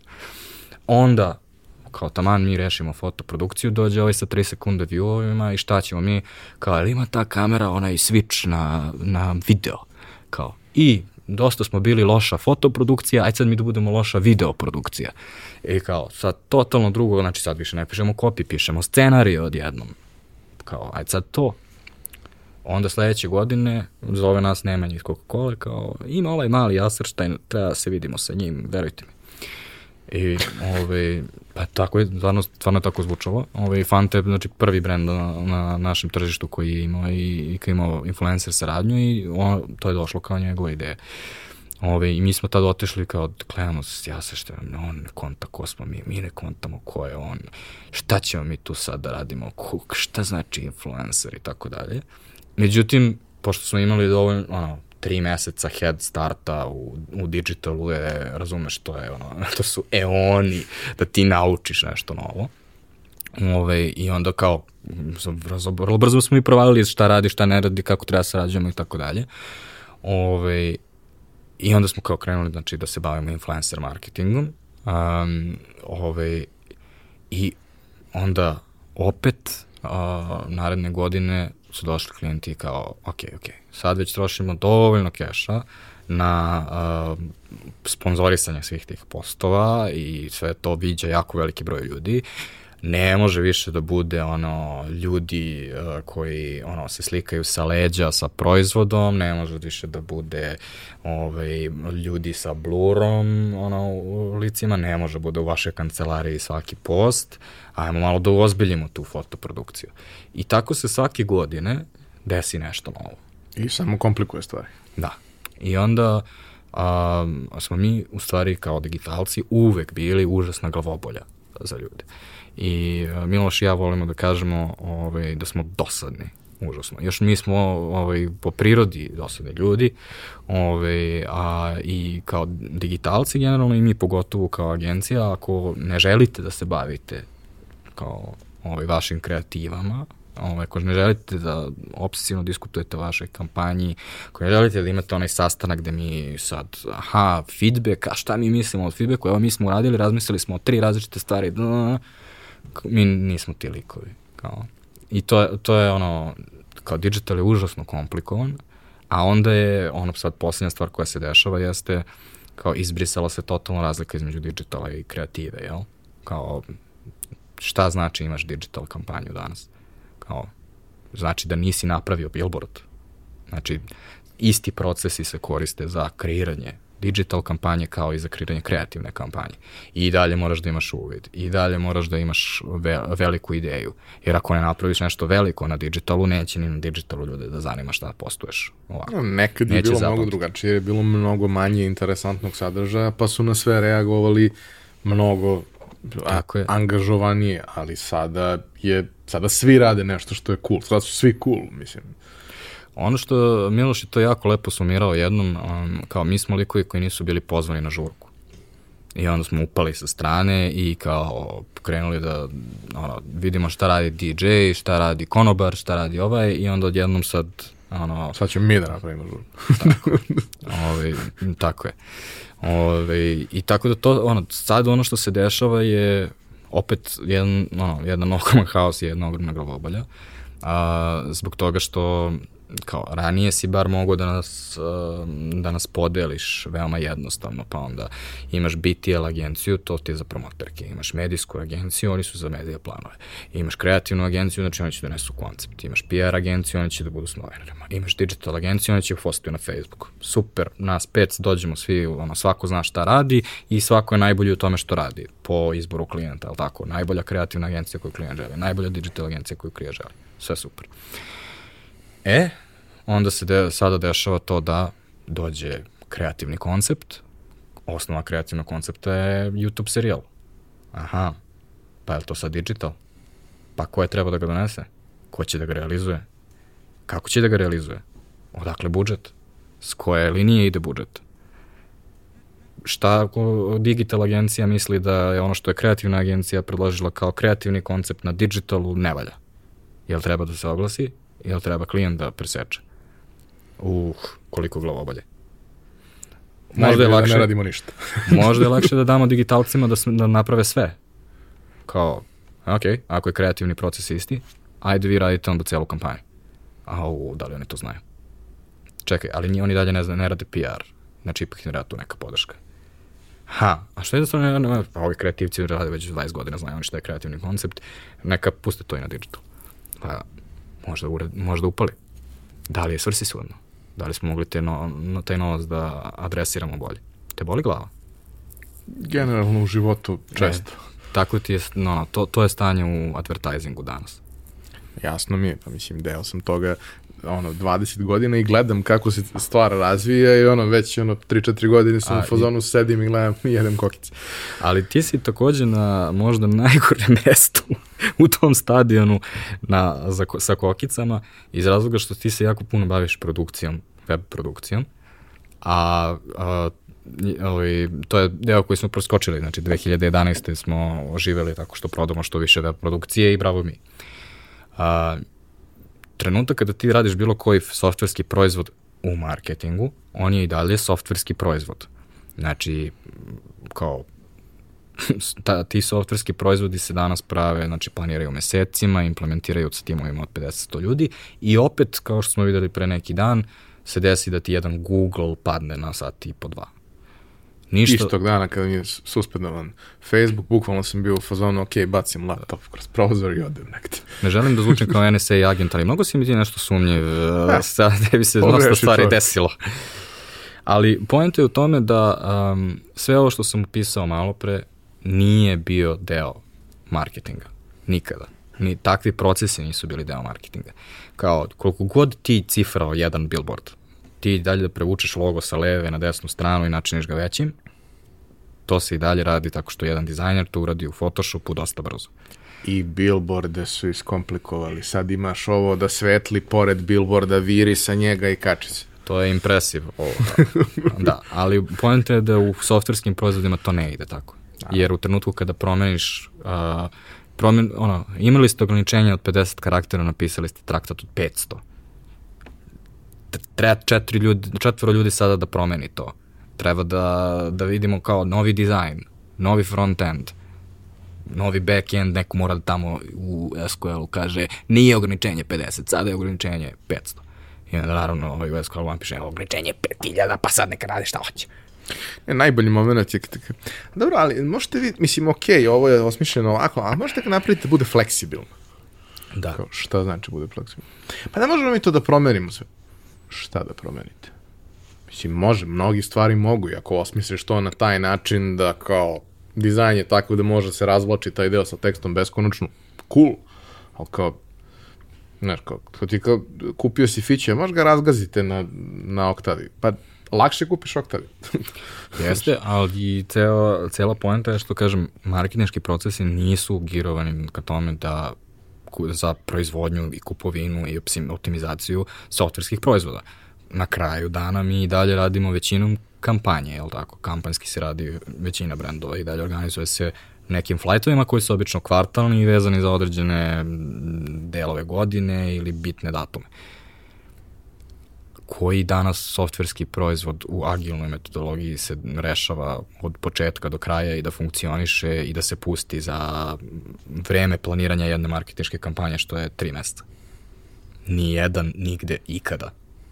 Vi kao ti lansiraš svoj softverski proizvod koji si zamislio da radi nešto za kampanju i on ima bagove ima ih i Facebook, ima ih i LinkedIn, svi imaju bugove i kao to se dešava stalno, to, to zato postoji agilna metodologija i kao onda idemo, aha, ok, ajde rešimo najvažniji bug danas, sutra drugi najvažniji bug, ok, dobro, kao svi rade na taj način, ali kao ako praviš softwarski proizvod za kampanju, kao moraš da ga lansiraš, pum, tada. I opet, nije poenta ovog lamentiranja, postoje načine kako ti to možeš da senzitivicuješ, postoje načine na koje možeš da edukuješ klijenta, da kažeš ne, ne možete za dva meseca da očekujete. To ali, za dva ali meseca... Ali mogli bi fotokonkurs, recimo, da napravimo. I, no, ok, fotokonkurs je ono kao, možda nije, ne deluje svrsishodno, ali kao ti možda napraviš svrsishodne stvari koje nisu možda toliko impresivne kao što je inače inicijalno zamišljeno, ali opet zahteva da te neko razume i da te neko sasluša I opet sve ovo što smo sada pričali, neko mora da obradi informaciju, da ti veruje, da razume i da postupi na osnovu tvog saveta. A neko drugi će i dalje da kaže, može sve to, taj ne zna šta priča. E, to su te glavobolje zbog kojih ono, koje prate digital u no, celom tom razvitku. Mislim, kažem, eto, ispratili su ga do trenutka da, da digital sada ni ne postoji kao digital, kao postoji m, ono, neka vrsta kreativnosti koja je izrasla sa interneta. Neki ljudi koji su kreativci, koji malo bolje razumeju internet i ovi drugi koji kao su kreativci koji malo manje razumeju internet. A ko je veći kreativac, kako ćeš to da odlučiš? Svaki klijent mora da odluči za sebe, jel? Jedna stvar koja mi se isto uvek činila kao veliki problem, dotako si se i toga, uh, je vezana za to da, ok, mi od prvog dana, iako od prvog dana to baš i nije bilo realno, ali ajde, vrlo brzo je postalo realno, prodajemo to da je prednost interneta to što je merljiv vrlo, onda su svi ostali krenuli da prave u svim drugim segmentima advertisinga su krenuli da prave svoju varijantu toga kako oni mogu da budu merljiviji, pa ne znam, ono, imaš brojač automobila koji prođe pored biluda, pa znaš mm -hmm. i, to, i te stvari. Ali mi se čini da kao, a, pošto to kod nas a, poteklo, i pošto je kod nas najraširenije i najekstremnije, mi prikupljamo najviše stvari. Mnogo stvari, najčešće ono od šume ne vidi drvo. Tako je uvek imaš neki podatak za koji možeš da se uhvatiš, što je ono kao kad pišeš izvešte lepo, Znaš se uhvatiš za... za, ek, za... Ono, insights iz Facebooka ima 48 šitova i svaki ima ono, barem 20 kolona, naći ću broj koji raste.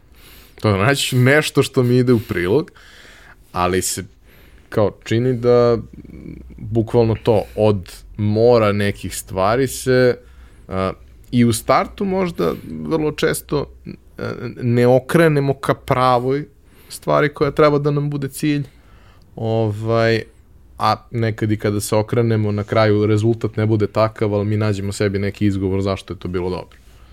Um, ja sam predložio o, vladi ovaj, Kovaču, a, kada smo išli na poslednju njegovu konferenciju, a, da držim predavanje Ništa nema smisla i sve smo ovo slagali a, koji se bavi ovime što si sada rekao. Ove, vlada, znaš kakav je, ove, uvek pomirljiv je bio u fazonu, dobro, Goran, ja, može nešto malo manje negativno. Ove, I onda smo imali... Radi na tome da, da se to promeni. da. Ove, um, ali ove, predavanje mi je spremno i nikad ga nisam održao. Ove, bavi se ovime što si, što si sada rekao. A mislim da je suštinski glavni problem koji postoji je što postoje dve struje digitala koje ljudi uopšte ne kontaju. Znači, kad uh, izađem ja i izađe Basta, ili izađem ja i izađe Goran Mirković, mi zvučimo isto. Mi smo, bavimo se sadržajem. Ja se bavim sadržajem, Goran Mirković se bavi sadržajem. Mi se ne bavimo istim poslom. Mi ne prodajemo uglavnom iste stvari. I onda postoji ceo taj inbound deo, koji je ceo trik je u beskrajnoj optimizaciji konverzija i to radi dobro za biznise koji su isključivo online ako ono, Um, Žarko Krunić uh, je nekada dok je bio u, ovaj, u Infostudu, pa je... Zare. Za, da. Ne Žarko. ovaj, je uh, imao case o polovnim gumama. I sad kaže čovjek ovako, mi napravili promociju, napravili baner, napravili dva banera, AB testing.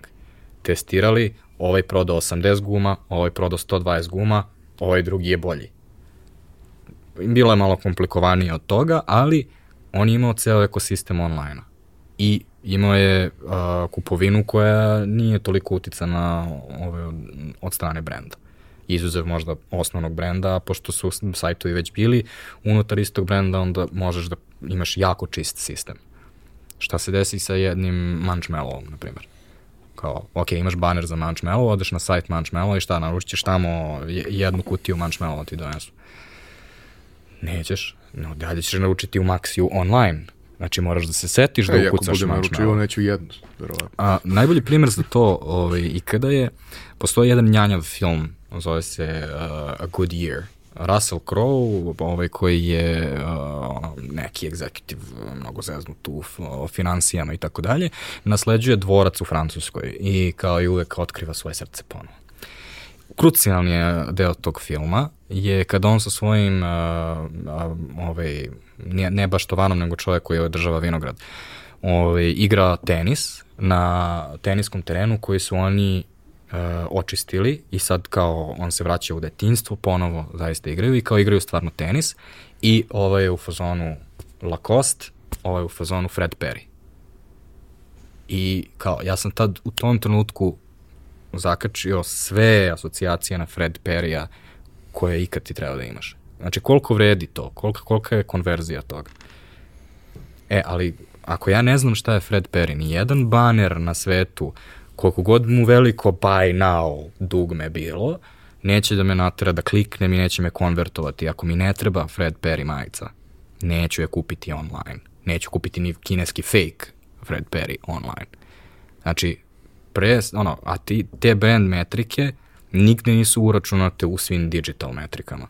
Jer pitanje je da li, da li neko uopšte razmišlja o tvom proizvodu. Ti možeš da imaš najbolju kampanju, najbolju optimizaciju na svetu, ako ja ne verujem tvom brendu, ja nema šanse da kliknem na taj baner. A ne znam, neki drugi love brand, daj mi iPad uh, 50% popusta, svi će da klikću, kao, naravno, želim da kupim ono, kao tablet koji obožavam i nemam para da ga kupim i sad konačno mogu da ga kupim. Da, da daj. Jel tako?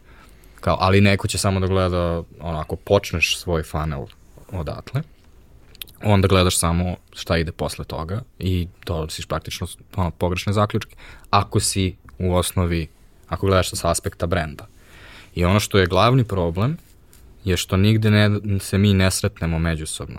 Nigde Goran ili Basta ili bilo ko ko je sa inbound strane ne izađemo i kažemo klijentima da da za ovo vam treba nešto, ono, kao ovo je građenje brenda i to je ono što već znate neko vreme i to ima neke veze sa ovim inbound delom sa, sa, sa digitalom, postoje načini kada se to prebaci, ali nije isto i uglavnom ne, se ne dodiruje međusobno. Ili se dodiruje i kada se dodiruje kako. Kao, kako treba da gledate te, te stvari međusobno. I opet, kao, kako to može razumeti i ovaj, kako da skonta. Kad je tvoj partner iz agencije Miloš bio ovde i kada smo uh, ispričali njegovu razvojnu priču ovaj, i kako je došao do, do, do, do svega toga da se odluči da otvori agenciju, da uradi to sa tobom.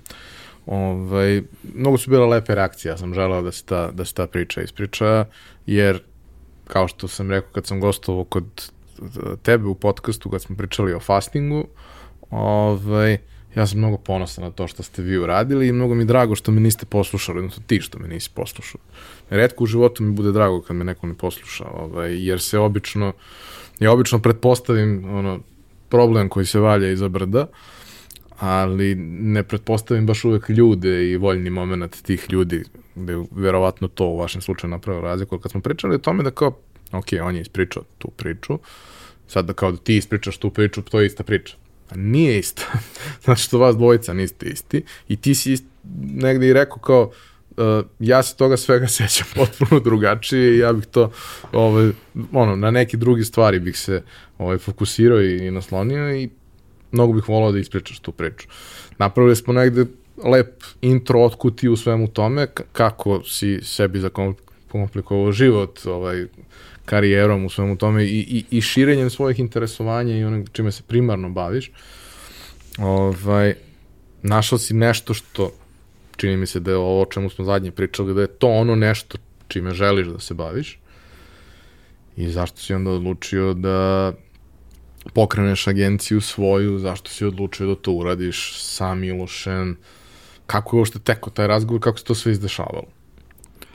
Um, Prva stvar a, koja je razlika između toga što se on seća je on je zaboravio da je ime Žiška postojalo već dve godine u tom trenutku u mojoj glavi. I a, to je jedan ono, užasno neprijatan sastanak koji sam ja imao sa jednim klijentom. Ove, i izašao sam za tog sastanka i ja imam ne znam da li ti to imaš, a, kao, on, kada vrtiš ceo taj konflikt i kao šta si trebao da kažeš, šta nisi trebao da kažeš, mogu si da dodaš ovo i tako dalje. I to mi se dešavalo, nisam mogao da spavam i onda sam bio u fazonu, ali vidiš ne bi smeo to da kažem zato što ono, ne znam šta misle ovaj, moji poslodavci o tome, kao, ali recimo da ja imam agenciju, a gdje, gdje, i sad posle 20 minuta tog rage a, razmišljanja, kao ja dođem, jeste da imam agenciju, zvala bi se Žiška. Kao, zašto? Ove, ovaj, I sad o, o, objašnjenje koje je Miloš dao je u stvari samo deo objašnjenja, a glavni problem je bio uh, što kada pogledam kampanje, kao glavni razlog zašto kampanje ne rade kad im fali žiška. Kao, fali im to, ne, ne, ne, neki, nešto inspirativno. Kao, onaj X faktor im fali. Kao, ne, nema, nema ništa zabavno u njima, nema ništa što, ono, kao je osnova, ono, čak kao išta što ljudi mogu se zalepe za to. Odnosno, fali im žiška. I onda sam bio u da, da, ako ikada budem imao agenciju, ali nikad neću imati agenciju, ali ako ikada imao, onda će se zvati Žiška. I to je ono, stajalo tako na policiji dve godine. Ove, ove, dve godine kasnije um, nas dvojica smo se baš žestoko olupali. Um, jednostavno bio je takav period ovaj, u agenciji. Um, olupali smo se toliko da, sam, da smo bojica sagoreli. Ja sam slomio nogu tada, ovaj, sam sebi na, na ragbi terenu. Ovaj, ragbisti i dalje pričaju o tome, urnebesna priča.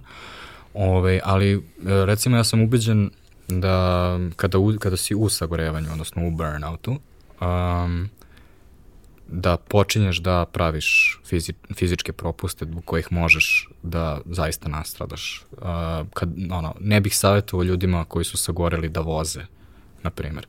Jer kao, to, to je onaj trenutak kada, a, nešto sam rasijan, možda pričam na telefon i jednom pored mene prozuje auto koji nisam video. Te stvari su mi se dešavale i to mi se desilo i na terenu, dosta sličnu stvar, kao što rekao, sam sebi sam slomio oko. Svaka čast. Ove, I um, jednostavno, ono, u tom trenutku sam u totalnom low pointu, međutim drži me taj jedan veliki pitch, pitch za najveći klijenta u tom trenutku. Ove, najveći klijent u zemlji, najbolji tim u tom trenutku u zemlji to je ono kad se gledate preko tarabe jako dugo i kao tako želite da radite zajedno i sad sve što ti treba da uradiš je da ne slomiš nogu i dođeš na taj pitch i odradiš ono što treba da odradiš. I dođemo do toga ove, i ja sam bukvalno u fazonu, ne, ja sam, ono, kao, ja se raspadam, ali ne mogu sad da se raspadnem, znači ovo moram da završim, ovo želim da završim.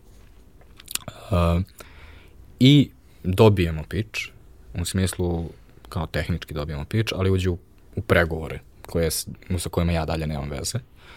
I to se sad već odugovlači, del no, zateže se i tako dalje i ja sam u zonu, ok, kao ja sam, ono, prelomim u glavi, završio sam. U smislu, ono, ostavio sam sve što sam imao, ovaj, i na terenu i u firmi i svugde sam ostavio. I u tom trenutku dolazi Miloš ovaj, sa mnom na ovaj, kinesku supu u Asia, Asia Foodu i kao veoma je nervozan. I ovaj, kaže on meni, kako si? Razmišljala sam, došao sam ti dam otkaz. I ja kažem, neš ti meni daš otkaz, dajem ja tebi otkaz. Kao, ja, ko, ko mene pita? Što mene niko ne pita kako je meni? Kao, ja ću prvi da dam otkaz. I uh, bez ikakvog plana, obojica, Znači, o, ona, um, obojica bukvalno odemo u, nazad u Kant. A, ja koji sam isto bio ono, u prelomnoj situaciji, sedim ovaj, sa svojim tadašnjim mentorom uh, Sanjom, ovaj, koju izuzetno poštujem i um, kaže mi da ono, I'm done, ne mogu, ne mogu više. I ono, Sanja je uporna žena. Ove, I posle sat i po je bila svesna da sam ja i razmislio i razmislio opet i a, da neće uspjeti da me ubedi. I u tom trenutku ona kreće u damage control ove, i kao, ok, ti si out, šta se dešava, kao prenosimo stvari na Miloša i tako dalje. A ja Milošu obećao da on sam kaže ove, šta je on mislio. Ove, I kao sad ćutim jer kao, znaš, on je ko će sam I ja ono, mm, i tamo ono nešto izađe ovaj, iz kancelarije na trenutak i ja pogledam mail, a Miloš, Miloš poslao otkaz mailom. Paralelno. Ove, I ja sad stopiram celu stvar i kažem kao da i takođe rekao mi je malo pre, kao nisam teo ti kažem jer kao njegovo, teo je on da vam kaže, ali evo umesto da vam kaže on je poslao mail. Pritom, mislim da je i on bio u fazonu uh, ove, video me da ulazim u kancelariju, pošto je to bio redovni sastanak koji sam ja produžio. I da je mi video da ulazim u kancelariju kao, ne, ne mogu da čekam. ove, pritom u tom trenutku se ne, ne postoji nikakva, nikakav plan, ni za jednog ni za drugog. Znači, obojice smo samo out. Kao, ne, ono, uh, u tom trenutku ubeđeni smo obojica da je, da je, ta, da je executive u kome radimo i taj tim najbolji tim sa najboljim klijentima i najboljim projektima. I kao, nemamo gde da idemo drugo. Možemo da idemo negde da pravimo novi executive kao, oh, da misli, kao sad opet ono, i sad opet ono karikanje, ovo sve što sam pričao ovih sedam godina, sad ajde opet sve to, znači to nam se ne radi. Ali nemamo plan, ni jedan ni drugi. I u tom trenutku nešto idemo po nekim razgovorima za posao, idemo u neke firme gde ono, pokušamo se predstavimo ko smo, neki znaju ko smo, želeli bi da radimo, ali ne znaju tačno šta bi s nama. Sve se to nekako tako vuče. Ove, ono, mi smo ono, dali otkaze i sad već ono, sam u šorcu ono, po ceo dan i sad se malo i resetovo i skinuo sam gips sa noge i kao, na okej, okay, ono, počinjem da hvatam sebe, bukvalno opet. Kao, imam kontrolu nad sobstvenim životom. Aha, okej, okay, dobro. Uh, nemaš, kao, imaš ušteđevinu, ali krenuo si da je krckaš, to je mali, mali crvić je krenuo, ali kao osjećam se poprilično ono sam se vratio sam sebi i da imam kontrolu nad sobstvenim životom. E, u tom trenutku, Miloš i ja se nismo videli jedno, znači, tri nedelje od, od kad smo imali poslednji dan. Ovaj, I on dođe tako i ono da ćaskamo. Ništa kao, ono, popijemo pijevo zajedno. Um, I tu u tom uh, celom ćaskanju on pomene uh, da li sam ja ikada razmišljao da osnovim agenciju. Um, ja ga pogledam onako kao setim se one, one, onog imena na polici i kažem mu da, ja sam razmišljao svaki put kada sam hteo nešto da uradim i kada nisam mogao to da proturim i nisam mogao da ubedim druge ljude da to treba da se uradi, postoji jedna mala crna knjižica. Evo, u toj maloj crnoj knjižici ima ime, zove se Žiška. To je ta agencija i ona izgleda ovako, ovako i ovako. Ali sem toga nikada nisam uopšte razmišljao da se bavim preduzetničkim poslom, meni je to apsolutno nepoznato. Ja ne znam da li bi ja mogu da budem preduzetnik. I tu ga, kao što, se, kao što i tebi sad zvučalo čudno, kao, izgledalo je kao da sam baš mnogo promislio o tome, a odgovor je, ne, ja nikad, pff, agencija, ne ti normalno. I, ove, mi tu završimo to pivo na sledećem. A, ove, između ostalog nismo bili sami, bili su ove, dva moja prijatelja koja su ono, se super zabavljala tu, jer su bukvalno osjećali da se tu doš, dešava nešto bitno, ali kao... Bromance. Ne, da. ove, ne kao dešava se kao dvoje ljudi koji oni znaju da su ozbiljni kao korporativci, u smislu kao oni se bave ozbiljnim poslom, kao prave neke velike planove i oni su u fazonu sa strane sa kokicama kao ha, ha, ha, ha. I onda dobacuju kao, ma mogo bi ti, ma šta ti fali da ideš u tako dalje. I ovaj, um, ja u suštini objasnim a, Milošu da ja nikad nisam razmišljao o preduzetništvu i da postoji jedan, postoje dva, dve stvari oko kojih se ja najviše lomim. Uh, Jedna stvar je da li ću ja moći da uh, ispratim, uh, da, um, da se vežem za jednu stvar celog života. Znači, ja ne znam da li je to tako za, za sve, mislim da postoje serijski preduzetnici koji možda nemaju taj uh, vibe, ali agencija je ona posebna stvar, ču, čudna vrsta biznisa. Uh, nije kao, ono, napravio sam recimo novu, novi brand piva, propao je brand piva, a, ok. Pošto agencija nema svoj proizvod, nego je konstantno, ono, servis nije biznis, onda vezuješ je za svoj identitet. I kao, meni je jako teško bilo, pogotovo u početku, da recimo mi pošaljemo prezentaciju sa našim logom u kojoj postoji neka vrsta greške.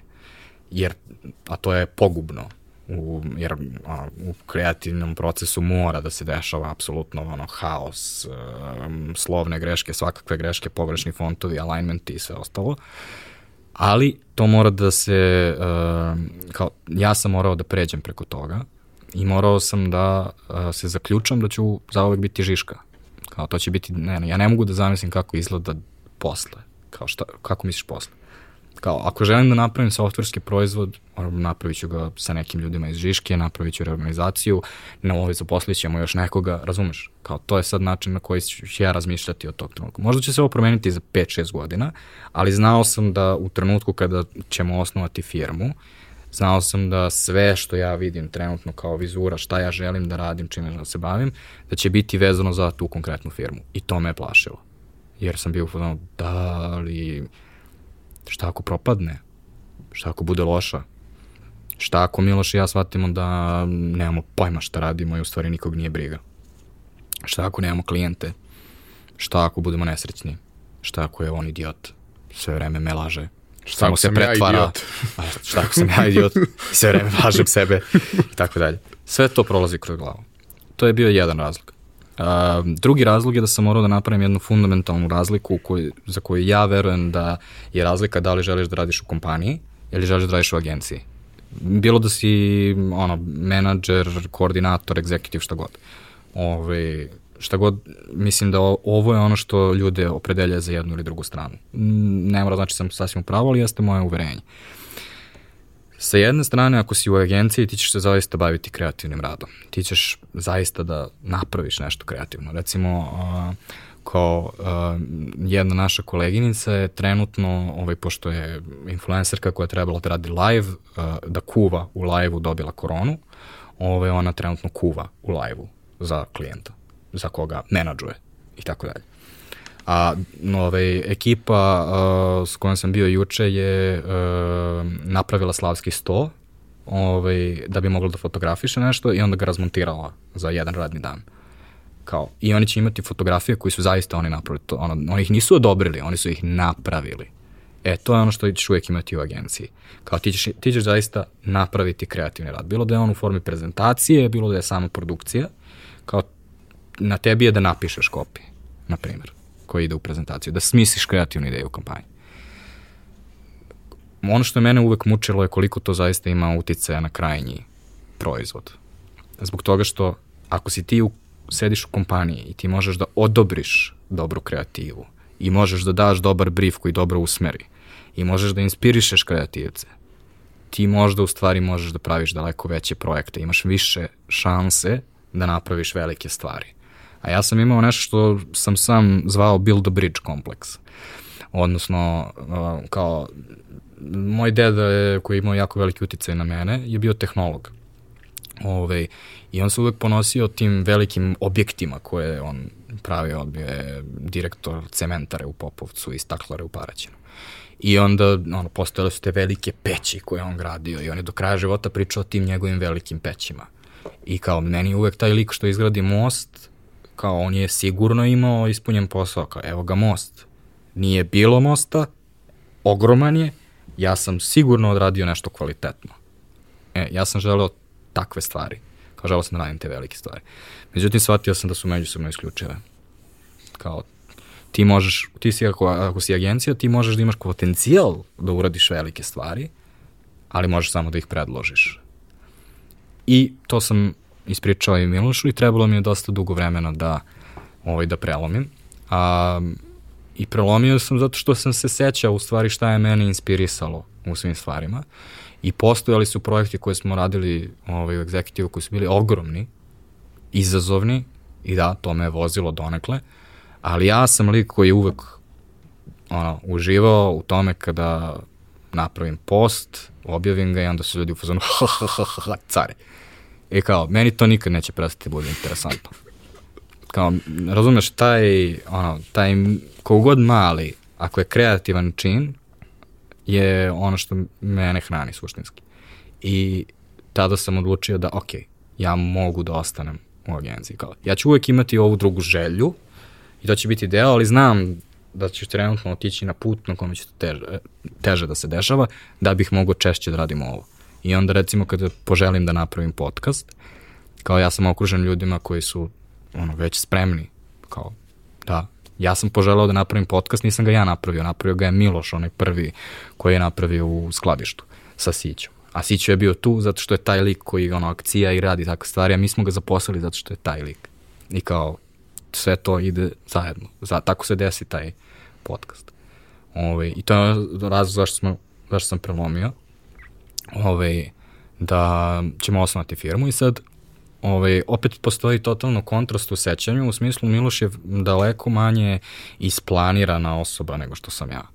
Ovaj, znači, mi smo od početne situacije u kojoj nikad ja nisam razmišljao, a, u trenutku kada ja prelamam, a, ja sam već tri koraka napred, organizujem stolara, ovaj, zakazujem APR, a, viđam se sa knjigovođom. Znači, u to vreme Miloš je u fazonu i dalje razmišljao o životu. Kao, kao ni šta da radiš. Kao, da, da, ono, kao, kako ćemo, ono, šta ćemo sa klijentima, kako će da, ono, ovaj, tako ono, nekako, ja sam imao veoma operativne stvari koje sam odmah krenuo da radim, a Miloš se više bavio kao suštinskim stvarima. Ove, ovaj, I on je ovaj, našao Iliju koji je sa nama ovaj, započeo firmu, zato što je dizajn bilo nešto što nismo mogli, ovaj, mogli smo nas da sklepamo neki dizajn, ali znali smo da to nije naš kvalitet koji mi želimo. Ove, I ove, ono što je druga stvar koju je on a, malo a, pogrešno zapamtio je, mi smo u tom trenutku imali gomilu slobodnog vremena. Znači, pozove nas uh, jedan veliki klijent na pitch. Ove, pozove nas čim smo otvorili firmu. Ove, uh, ove, pozove nas na razgovor i kaže ove, dobro, ove, vi ste sad kao neki, dali neke otkaze, ja moram da raspišem pitch, ne mogu da nešto s ovom agencijom kojom uh, radim, hoću da znam šta su vaši planovi. Kao, ono, jer, kao, postoji neka varijanta da ja radim sa vama. U tom trenutku nas dvojice još uvek nismo prelomili, mi smo tek pričali. Uh, postoji ta Facebook grupa gde smo to dogovarali, zove se Sunday Funday. I kao, to je bila neka, neki, uh, neki, neka nedelja negde u avgustu, jel? Ove, I uh, mi tu objasnimo gde smo mi sada i ove, ta osoba nam kaže, ok, pitch je za tri meseca, pa vi šta hoćete? Kao, ono, sa vama ili bez vas, kao, i na kraju ono, ništa ne dobijate, nego izlazite na pitch, kao, nisam ni ja decision maker, kao, izla, ja ću vam samo da vas pozvati na pitch. Ako ste tu. Tako da mi uh, sad ulazimo, ovaj, ku, zakupimo neki prostor, jedan mali stančić, um, ovaj, moj uh, ortak sa ragbija ovaj, glumi našeg stolara, vidio si ga možda u podcastu ovaj, Kikanović, koji je napravio naš sto krofnu koju smo mi tu nešto smislili, koja idealno ovaj, iskorišćava sav prostor. Um, ovaj, u isto vreme pravimo policu, snimamo neke vide i stiže nam poziv na pitch nas dvojica, ceo dan, sedam dana, nemamo šta da radimo, samo radimo pič. Znaš, koje je to ludilo koje ne može da ne priušti ni jedna druga agencija? A prilično ste se i odmorili od svega. A još smo i, ono, besni smo i gladni smo. U fazonu smo, ono, ne mogu više da sedim, ono, i da se šetam po Savi i da treniram kao daj mi nešto da radim, da, ono, s drugim ljudima ću da peglam PowerPoint slajdove.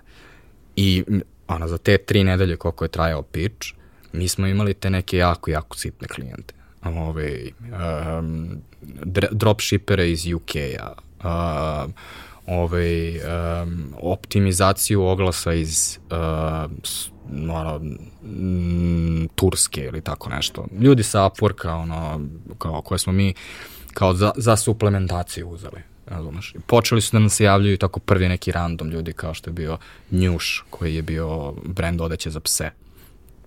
Ali mi u suštini sedimo i radimo sa nikad toliko nismo imali resursa slobode a imaš dva senior digitalca.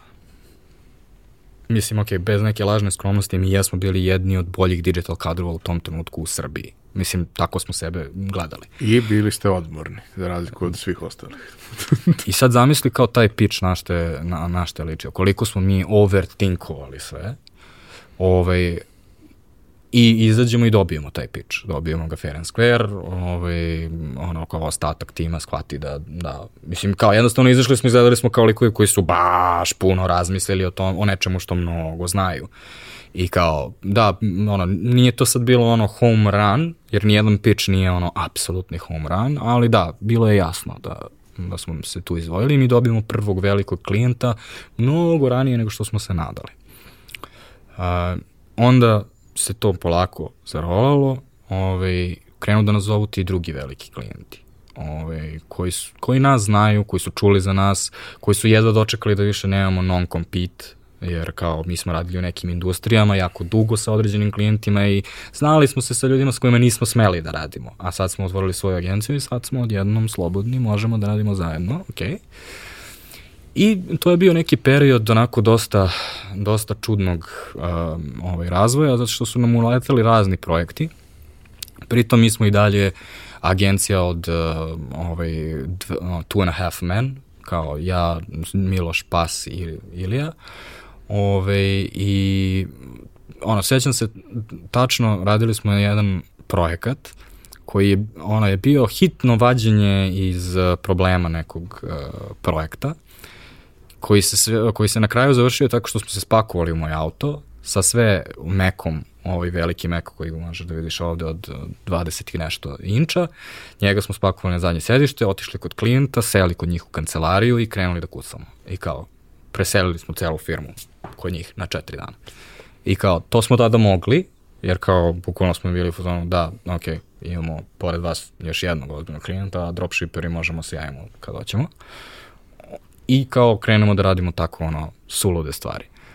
Ove, međutim, drugi prelomni trenutak koji se, uh, koji se nama desio je uh, ove, kada smo krenuli da radimo plazma sajt, ove, gde smo dobili prvi jako veliki projekat koji nam je praktično hranio firmu neko vreme. I treći je kada nas je pozvala Coca-Cola i Coca-Cola je rešila da, ok, ajde da vidimo mi ono, radili smo zajedno mi u executive i sad očigledno su se stvari dosta promenile. Znači, kao, mi smo otišli, u su neki novi ljudi, ali takođe oni nisu bili na tržištu 5-6 godina, on ne znaju oni mi zaista šta postoji sve na tržištu. I oni praktično, ono, pozovu sve agencije u gradu i ona, imaju pre-pitch meeting i raspišu pitch. I tu budu svi koje bi ti sad pozvao kao ovaj digital agencije, ovaj, jedino što recimo u to vreme Likes and Cookies bio još tek mali, tako da oni nisu bili, ali svi ostali koje možeš zamisliš smo bili u toj istoj sobi, pošto su nas brifirali zajedno, to je bilo otprilike najveći skup digitalaca koji sam ikada video na tako, ta, tako zipovan.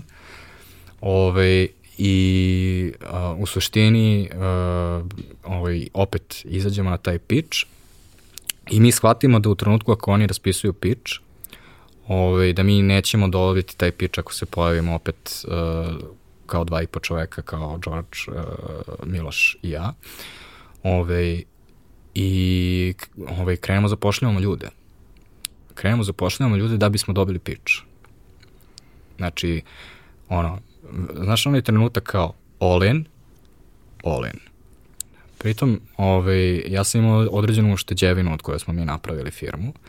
Ovaj, I ona, ta ušteđevina je takođe imala svoj rok trajanja. Imali smo jednog velikog klijenta koji je mogao da nas hrani da, da nismo zapošljavali drugi ljude.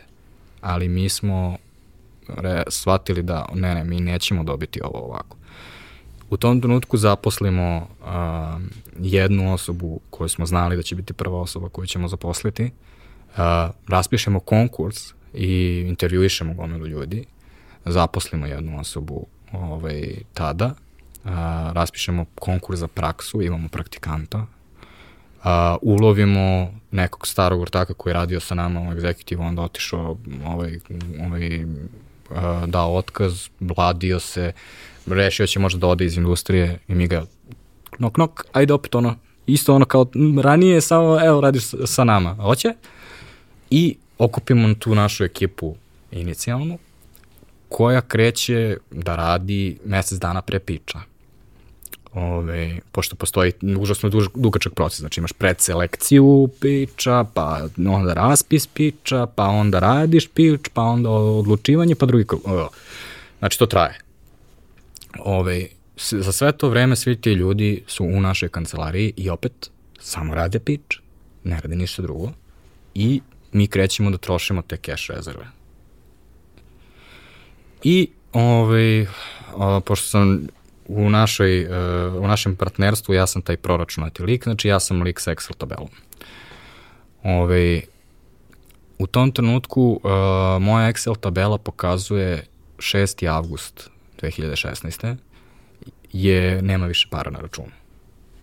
Kao, to je trenutna, ono, trenutni dogovor. Um, mi uspevamo da dobijemo pitch i ono, kao ono, slavimo ludilo u celoj firmi. Uh, nismo osvojili sve brendove, što je bila pametna odluka od strane ovaj, ljudi koji su o tome odlučivali u Coca-Coli, zbog toga što smo bili mala agencija, kada bi nam dali sve, verovatno bi nas slomili. Ovaj, na kraju se to i desilo, mi smo pokupili još dodatnih brendova ovaj, vremenom, a, ali taj trenutak, a, pošto kao našim korporacijama kako se rade birokra, birokratske stvari, A, znači, ja sam samo išao i ponavljao ljudima, molim vas, samo brzo da rešimo ugovor. Molim vas, samo brzo da rešimo ugovor. I uspemo da brzo rešimo ugovor, nikad brže ga nismo rešili.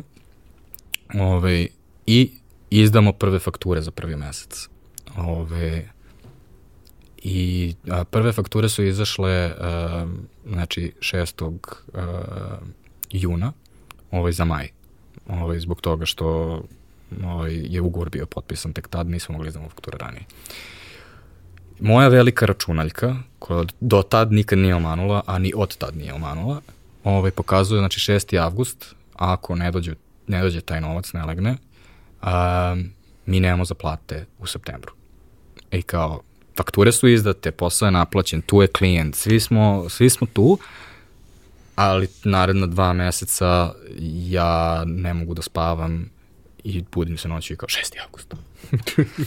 I zovem sve ljude koji rade ovaj, sa Coca-Colom i sad postoji taj kao dosta komplikovan sistem plaćanja i kao koliko to teško, te, ne, postoji mogućnost da to zakaže, ali ovo je naše prvo plaćanje, jel to može da bude problem?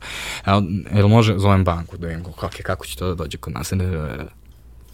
I onda 6. avgusta ovaj, dođe ob, obaveštenje od banke da imamo devizni priliv, to, ne, priliv iz inostranstva. Ove, I ono, ja sam u tom trenutku, oh, ok, sad je sve ok. I to je ubedljivo najstresniji trenutak ovaj, mog rada ikada. Kao taj trenutak kada ne, sve je van tvojih ruku, sve si uradio što treba, sve treba da se desi, ali e, još samo da istekne rok plaćanja i da legne taj cash. Da legne zapravo tad da. kad smo se dogovorili da će da, da bude. Da, Ove, I da, ove, kao, a, tačno kao sat, Ove, jedino što smo još posle par dana morali to oko banke da se, da se drnemo, jer jeste bilo naše prvo plaćanje i tako dalje. Ove, I um, kao posle toga se jednostavno stvar a ne bih rekao da, da, se, da je došlo pod kontrolu, zato što je naša istorija u prethodnih četiri godine je Miloš i ja koji pri, idemo naokolo i pričamo kako ne želimo da se širimo i evo smo došli do znači 24 i više ljudi. Ove, I sve vreme pričajući kako mi, ne, mi smo sad u lockdownu, mi se ne širimo još neko vreme i tako dalje. Ove, međutim, uh, kao svi raredni skokovi koji se dešavali su bili za mene mnogo više manageable, u smislu nisu bili uh, make or break, nisu bili džaj ili bu, nisu bili biti ili ne biti. Ovo je bukvalno bilo mož, možeš da vidiš ne biti, možeš da vidiš kraj. I kao kraj istog onog sna koji si pre godinu dana počeo. I kao Da, ono što si rekao da ne sme da, da ono što te najviše plašilo može se desiti već za godinu dana.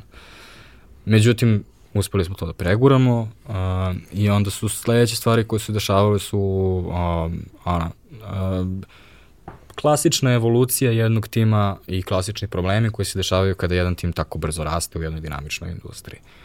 Um, imali smo i lud, lude sreće, ovaj, jako puno. Um, neke stvari, koje, neke odluke koje smo mi donali su se pokazale kao prave, Uh, neke pretpostavke koje smo imali su se ispostavile kao pogrešne. Ove, tako da, ono, ja smatram da smo mi napravili ogroman uspeh za ovako kratko vreme. Um, I onda je došla 2020. i došao COVID. I kao trenutak, a mi smo 2019. Ovaj, radili neku vrstu finansijskog planiranja. I sad, e, verovatno ti je poznato da kada imaš ovaj, jako veliki procenat naplate ti dolazi od samo malog broja klijenata, to je opasna finansijska situacija.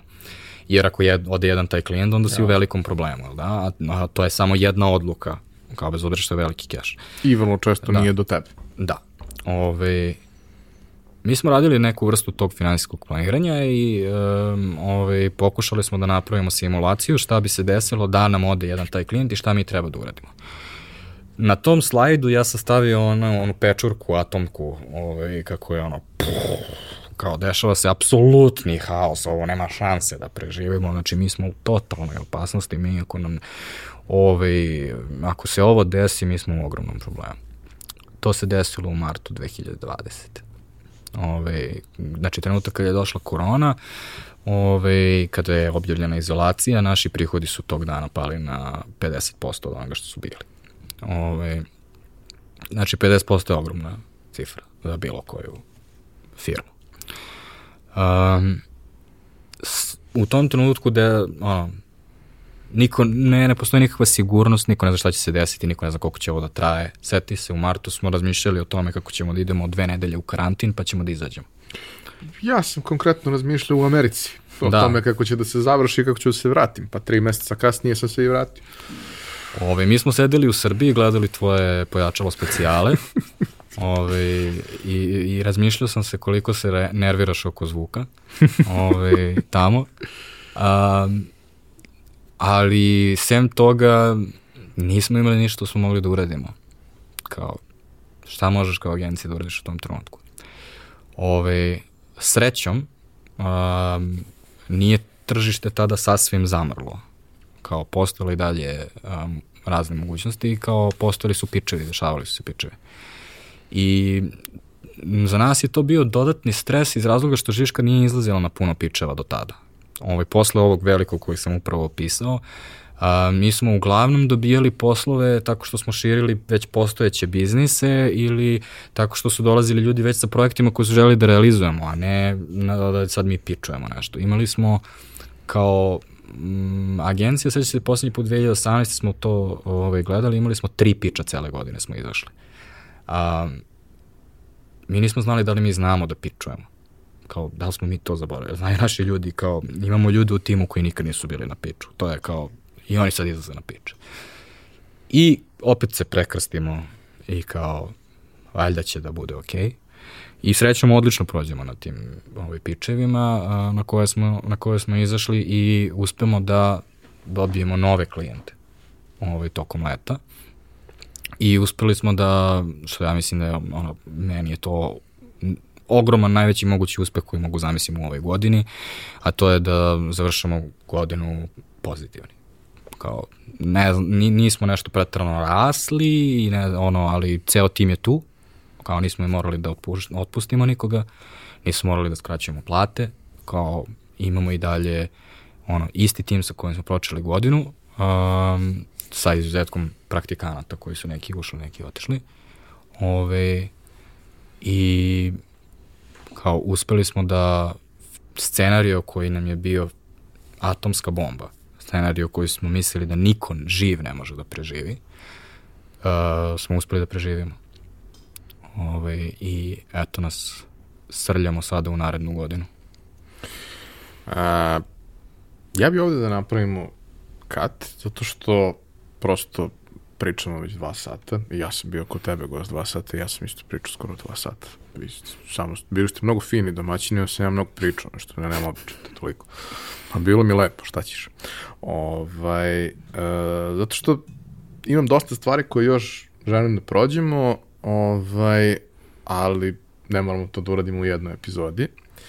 Mislim da smo ovde pokrili taj neki dosta bitan deo ovaj, cele priče, oslikali sliku i ostavili smo to u nekoj fazi ono, udarac, recovery i sad ćemo da vidimo kako će stvari da se, da se razvijaju nadalje, ali znaš, e, pokazali ste rezilijentnost kao agencija. Ovaj, hvala ti što si bio i hvala ti što ono, zajedno sa, sa Skokijem pokušavaš da radiš te neke interesantne i cool stvari, jer zato što vi radite tako nešto, onda i svi mi ostali dobijemo priliku da radimo neke stvari koje su malo više od fotokonkursa. Ove, ovaj, jer kao jedno duže vreme je to bukvalno bilo ono, polivanje, ajde da se ispoštuje cela stvar. Sada, kako ljudi rade interesantne stvari i kako te stvari imaju rezultate, otvara se mogućnost da i neki drugi krenu da razmišljaju o tome. Mislim, ono, Skoki me, pre nego što ću otići na taj put kad sam zaglavio u Americi, ovaj, Skoki mi šalje kao, e, ovaj, pričali smo sa, sa Jafom za Mančmelo, treba, hoće snime neki film, pa da kao kad oni snime, da, teli su da ti kao influencer, kao ja kao influencer, ajde, a kao to u industriji našoj, kao da, da napišeš neku recenziju toga. Kao, dobro, a šta je, mislim, pa kao, neću da ti pričam previše, ali ima veze sa malim princem, malo princa obožavam. Ovaj, ko dobro, ajde, mislim, šta god, da pisat ću. Ko, a li imaš neke uslove, nešto, ko imam, to košta toliko, ako odluče da hoće to da rade, obavezat će se da će to da plate, ja ću da napišem, ako im se ne sviđa, mogu da ne objavim.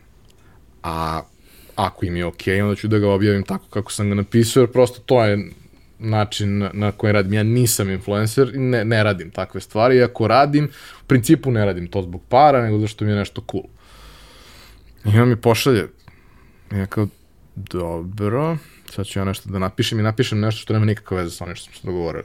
Ali bukvalno ono kao sednem za laptop, sat i po kucam, snimim dokument, pošaljem njemu i odem da se istuširam, jer sam gola voda. I on mi odgovara kao, jebote, šta je ovo? I kao, pa nije mi delovalo toliko loše. nije ne kao, ovo je neverovatno. Kao šaljem njima, ne znam kako će da reaguju, kao, ali, ali mislim da će da reaguju dobro. I to je sad već ono kultni tekst koji nije pročitalo, ne znam, beskonačno ljudi, ali, ali mnogo ljudi ga pamte i kad je bio uh, Žagar kod vas pomenuo je tekst, ove, što je onako bilo simpatično, što ja gledam vaš podcast i tako bilo mi drago da me neko pomene. Ovaj, jer kao, ne znam mnogo ljudi koji bi odobrili tekst koji nema nikakve veze sa onim što smo se dogovorili. Ali kao, šta sad ja treba da analiziram uh, produkciju, kao da, da li je mali glumac baš, ili bi možda drugi mali glumac bio bolji, ono. Ne, kao ja to je to. To je emocija. Nema nikakve veze sa onim što smo se dogovarali, ali možda baš to to što treba i onda dobiješ feedback od klijenta, žene su plakale po kancelariji i tako da to. I am very good at these things sometimes. Uh, klasična agencija ne bi dozvolila da to ode do klijenta. Zato što bi bili u fazonu, mm, to nije ono što smo se dogovorili. Kao nije loše, znaš, okej, okay, kao lepo pišeš, znaš, kao ne. Mm ali kad imaš malo ozbiljniji odnos poverenja i ovaj, onda mogu da se desi tako neke stvari i onda neko posluša s vremena na vreme nešto i kad, se, kad postoji to poverenje, postoji preduslov da se desi magija. Neće možda uvek, ali bez poverenja gotovo neće nikad. Tako da nadam se da smo i mi malo te magije i svega toga preneli ovaj, gledocima i slušalicima sada. Obećaj da će da dođeš u drugi deo. Mogu bi da vas dovedemo obojicu, svađate. Ne svađate uh, Odlično. Ove, obećaj mi još jednu stvar. Ove, a, tvoj podcast ima 100 i kada si bio kod nas, a, bio si na minus 20 kila, je li tako? Mm, bio sam na tada sam bio tako nešto os, minus 18 ili 20 u odnosu na neki početak ovog fastinga. Sada si na minus 40 a, znači, izgledaš da. odlično i meni je jako žao što ljudi ne mogu to da vide od ovog stola i ja sam, ja sam danas ono, nisam verovao kada sam te gledao i uh, jako mi je drago što si ono, napravio ovaj odluku za svoje zdravlje i uh, bukvalno uh, počinjem da izranja onaj stari Ivan kao iz uh, majice polako i kao hodaš drugačije, uh, imaš drugačiji pogled. Ali neću no. doći na ragbi, Goran. ne, ne, ne, ne moraš da dolaziš na ragbi, samo nastavi da radiš to što radiš i ovaj, jako mi je drago da, da te vidim da napreduješ toliko i žao mi je što ostali neće moći da vidim. Vidjet će polako, bit će tu i, i ovaj, raznih nekih novosti nakon, nakon stote epizode, o tom potom, neki su, neki su videli, pre nekog vremena smo radili tu neku ovaj, akciju za male proizvođače gde dajemo dizajn i tako dalje i sad kao kako to da snimamo, da snimamo u setupu za počelo, ako nemoj brate ne mogu više, daj nešto drugo. Kao dobro, ajde na belom da snimamo tebe kako stojiš. I kao prvih pet komentara je svaka čast izgledaš super. Kao ljudi, ja pričam o nečemu drugom, nema veze, kao, znaš, lep si dečko. Ovaj, Uh, hvala, hvala što si mi onda, uh, što si me zvao da pričamo o, o svemu tome i što si me pustio da, da, da ishitujem i da kažem neke stvari koje su, mislim, prilično važne, jer uh, upravo to kao kako se odnosimo jedni prema drugima i kako jedni druge, nekad i iz najbolje namere, sputavamo, to je problem. To, to je jako veliki problem i kao, znaš, uh, ja stvarno verujem, ajde ne, nećemo da ulazimo rekao si i sam da ne voliš da ulaziš u te priče toliko, ali kao postoji jebeni razlog zašto smo kao društvo u situaciji u kojoj smo, a zašto neka druga društva nisu u toj situaciji. Ajde da malo analiziramo šta je to, promo, promenimo neke stvari. Znaš, malo po malo, čovek po čovek. I ova priča sa preduzetništvom koju ja guram 10 godina, ali ja kažemo institucionalizovano jedno pet, neće da promeni, neće sutra da bude ono 300.000 novih preduzetnika.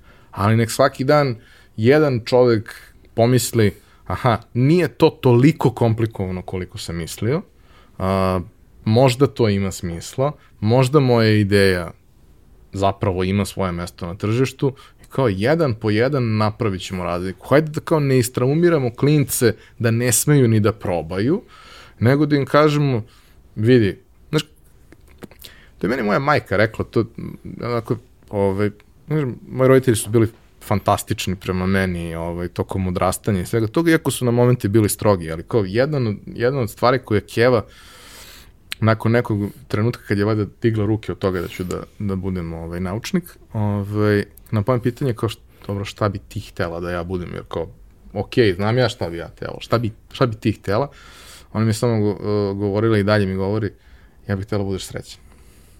I ovaj, Nisam, još uvek, ali idem ka tome. I znam da ne postoji ta vrsta pritiska. Su mene pustili da radim stvari koje im nisu bile jasne. Pustili su zato što su bili u fazonu mi tebi verujemo. Mi verujemo da ti znaš šta radiš, ne moramo mi da razumemo to. Mogo bi nekad da nam objasniš, ali ne moramo mi to da razumemo. Moj čale je bio taj, taj lik u mom životu. I da, isto je govorio jako često kao, dok god si ti srećan, sve je okej. Okay. Hvala ti još jednom što si bio. Hvala vama što ste nas slušali. A, ostavite sve svoje komentare, predloge, sugestije u boksu za komentare na YouTube ili na društvenim mrežama, mi ćemo to da ispratimo, ja ću da ga jurim da odgovori ako imate na pit, neka pitanja i tako dalje. Hvala Epsonu što vas podržava i čujemo se i vidimo sledeće nedelje.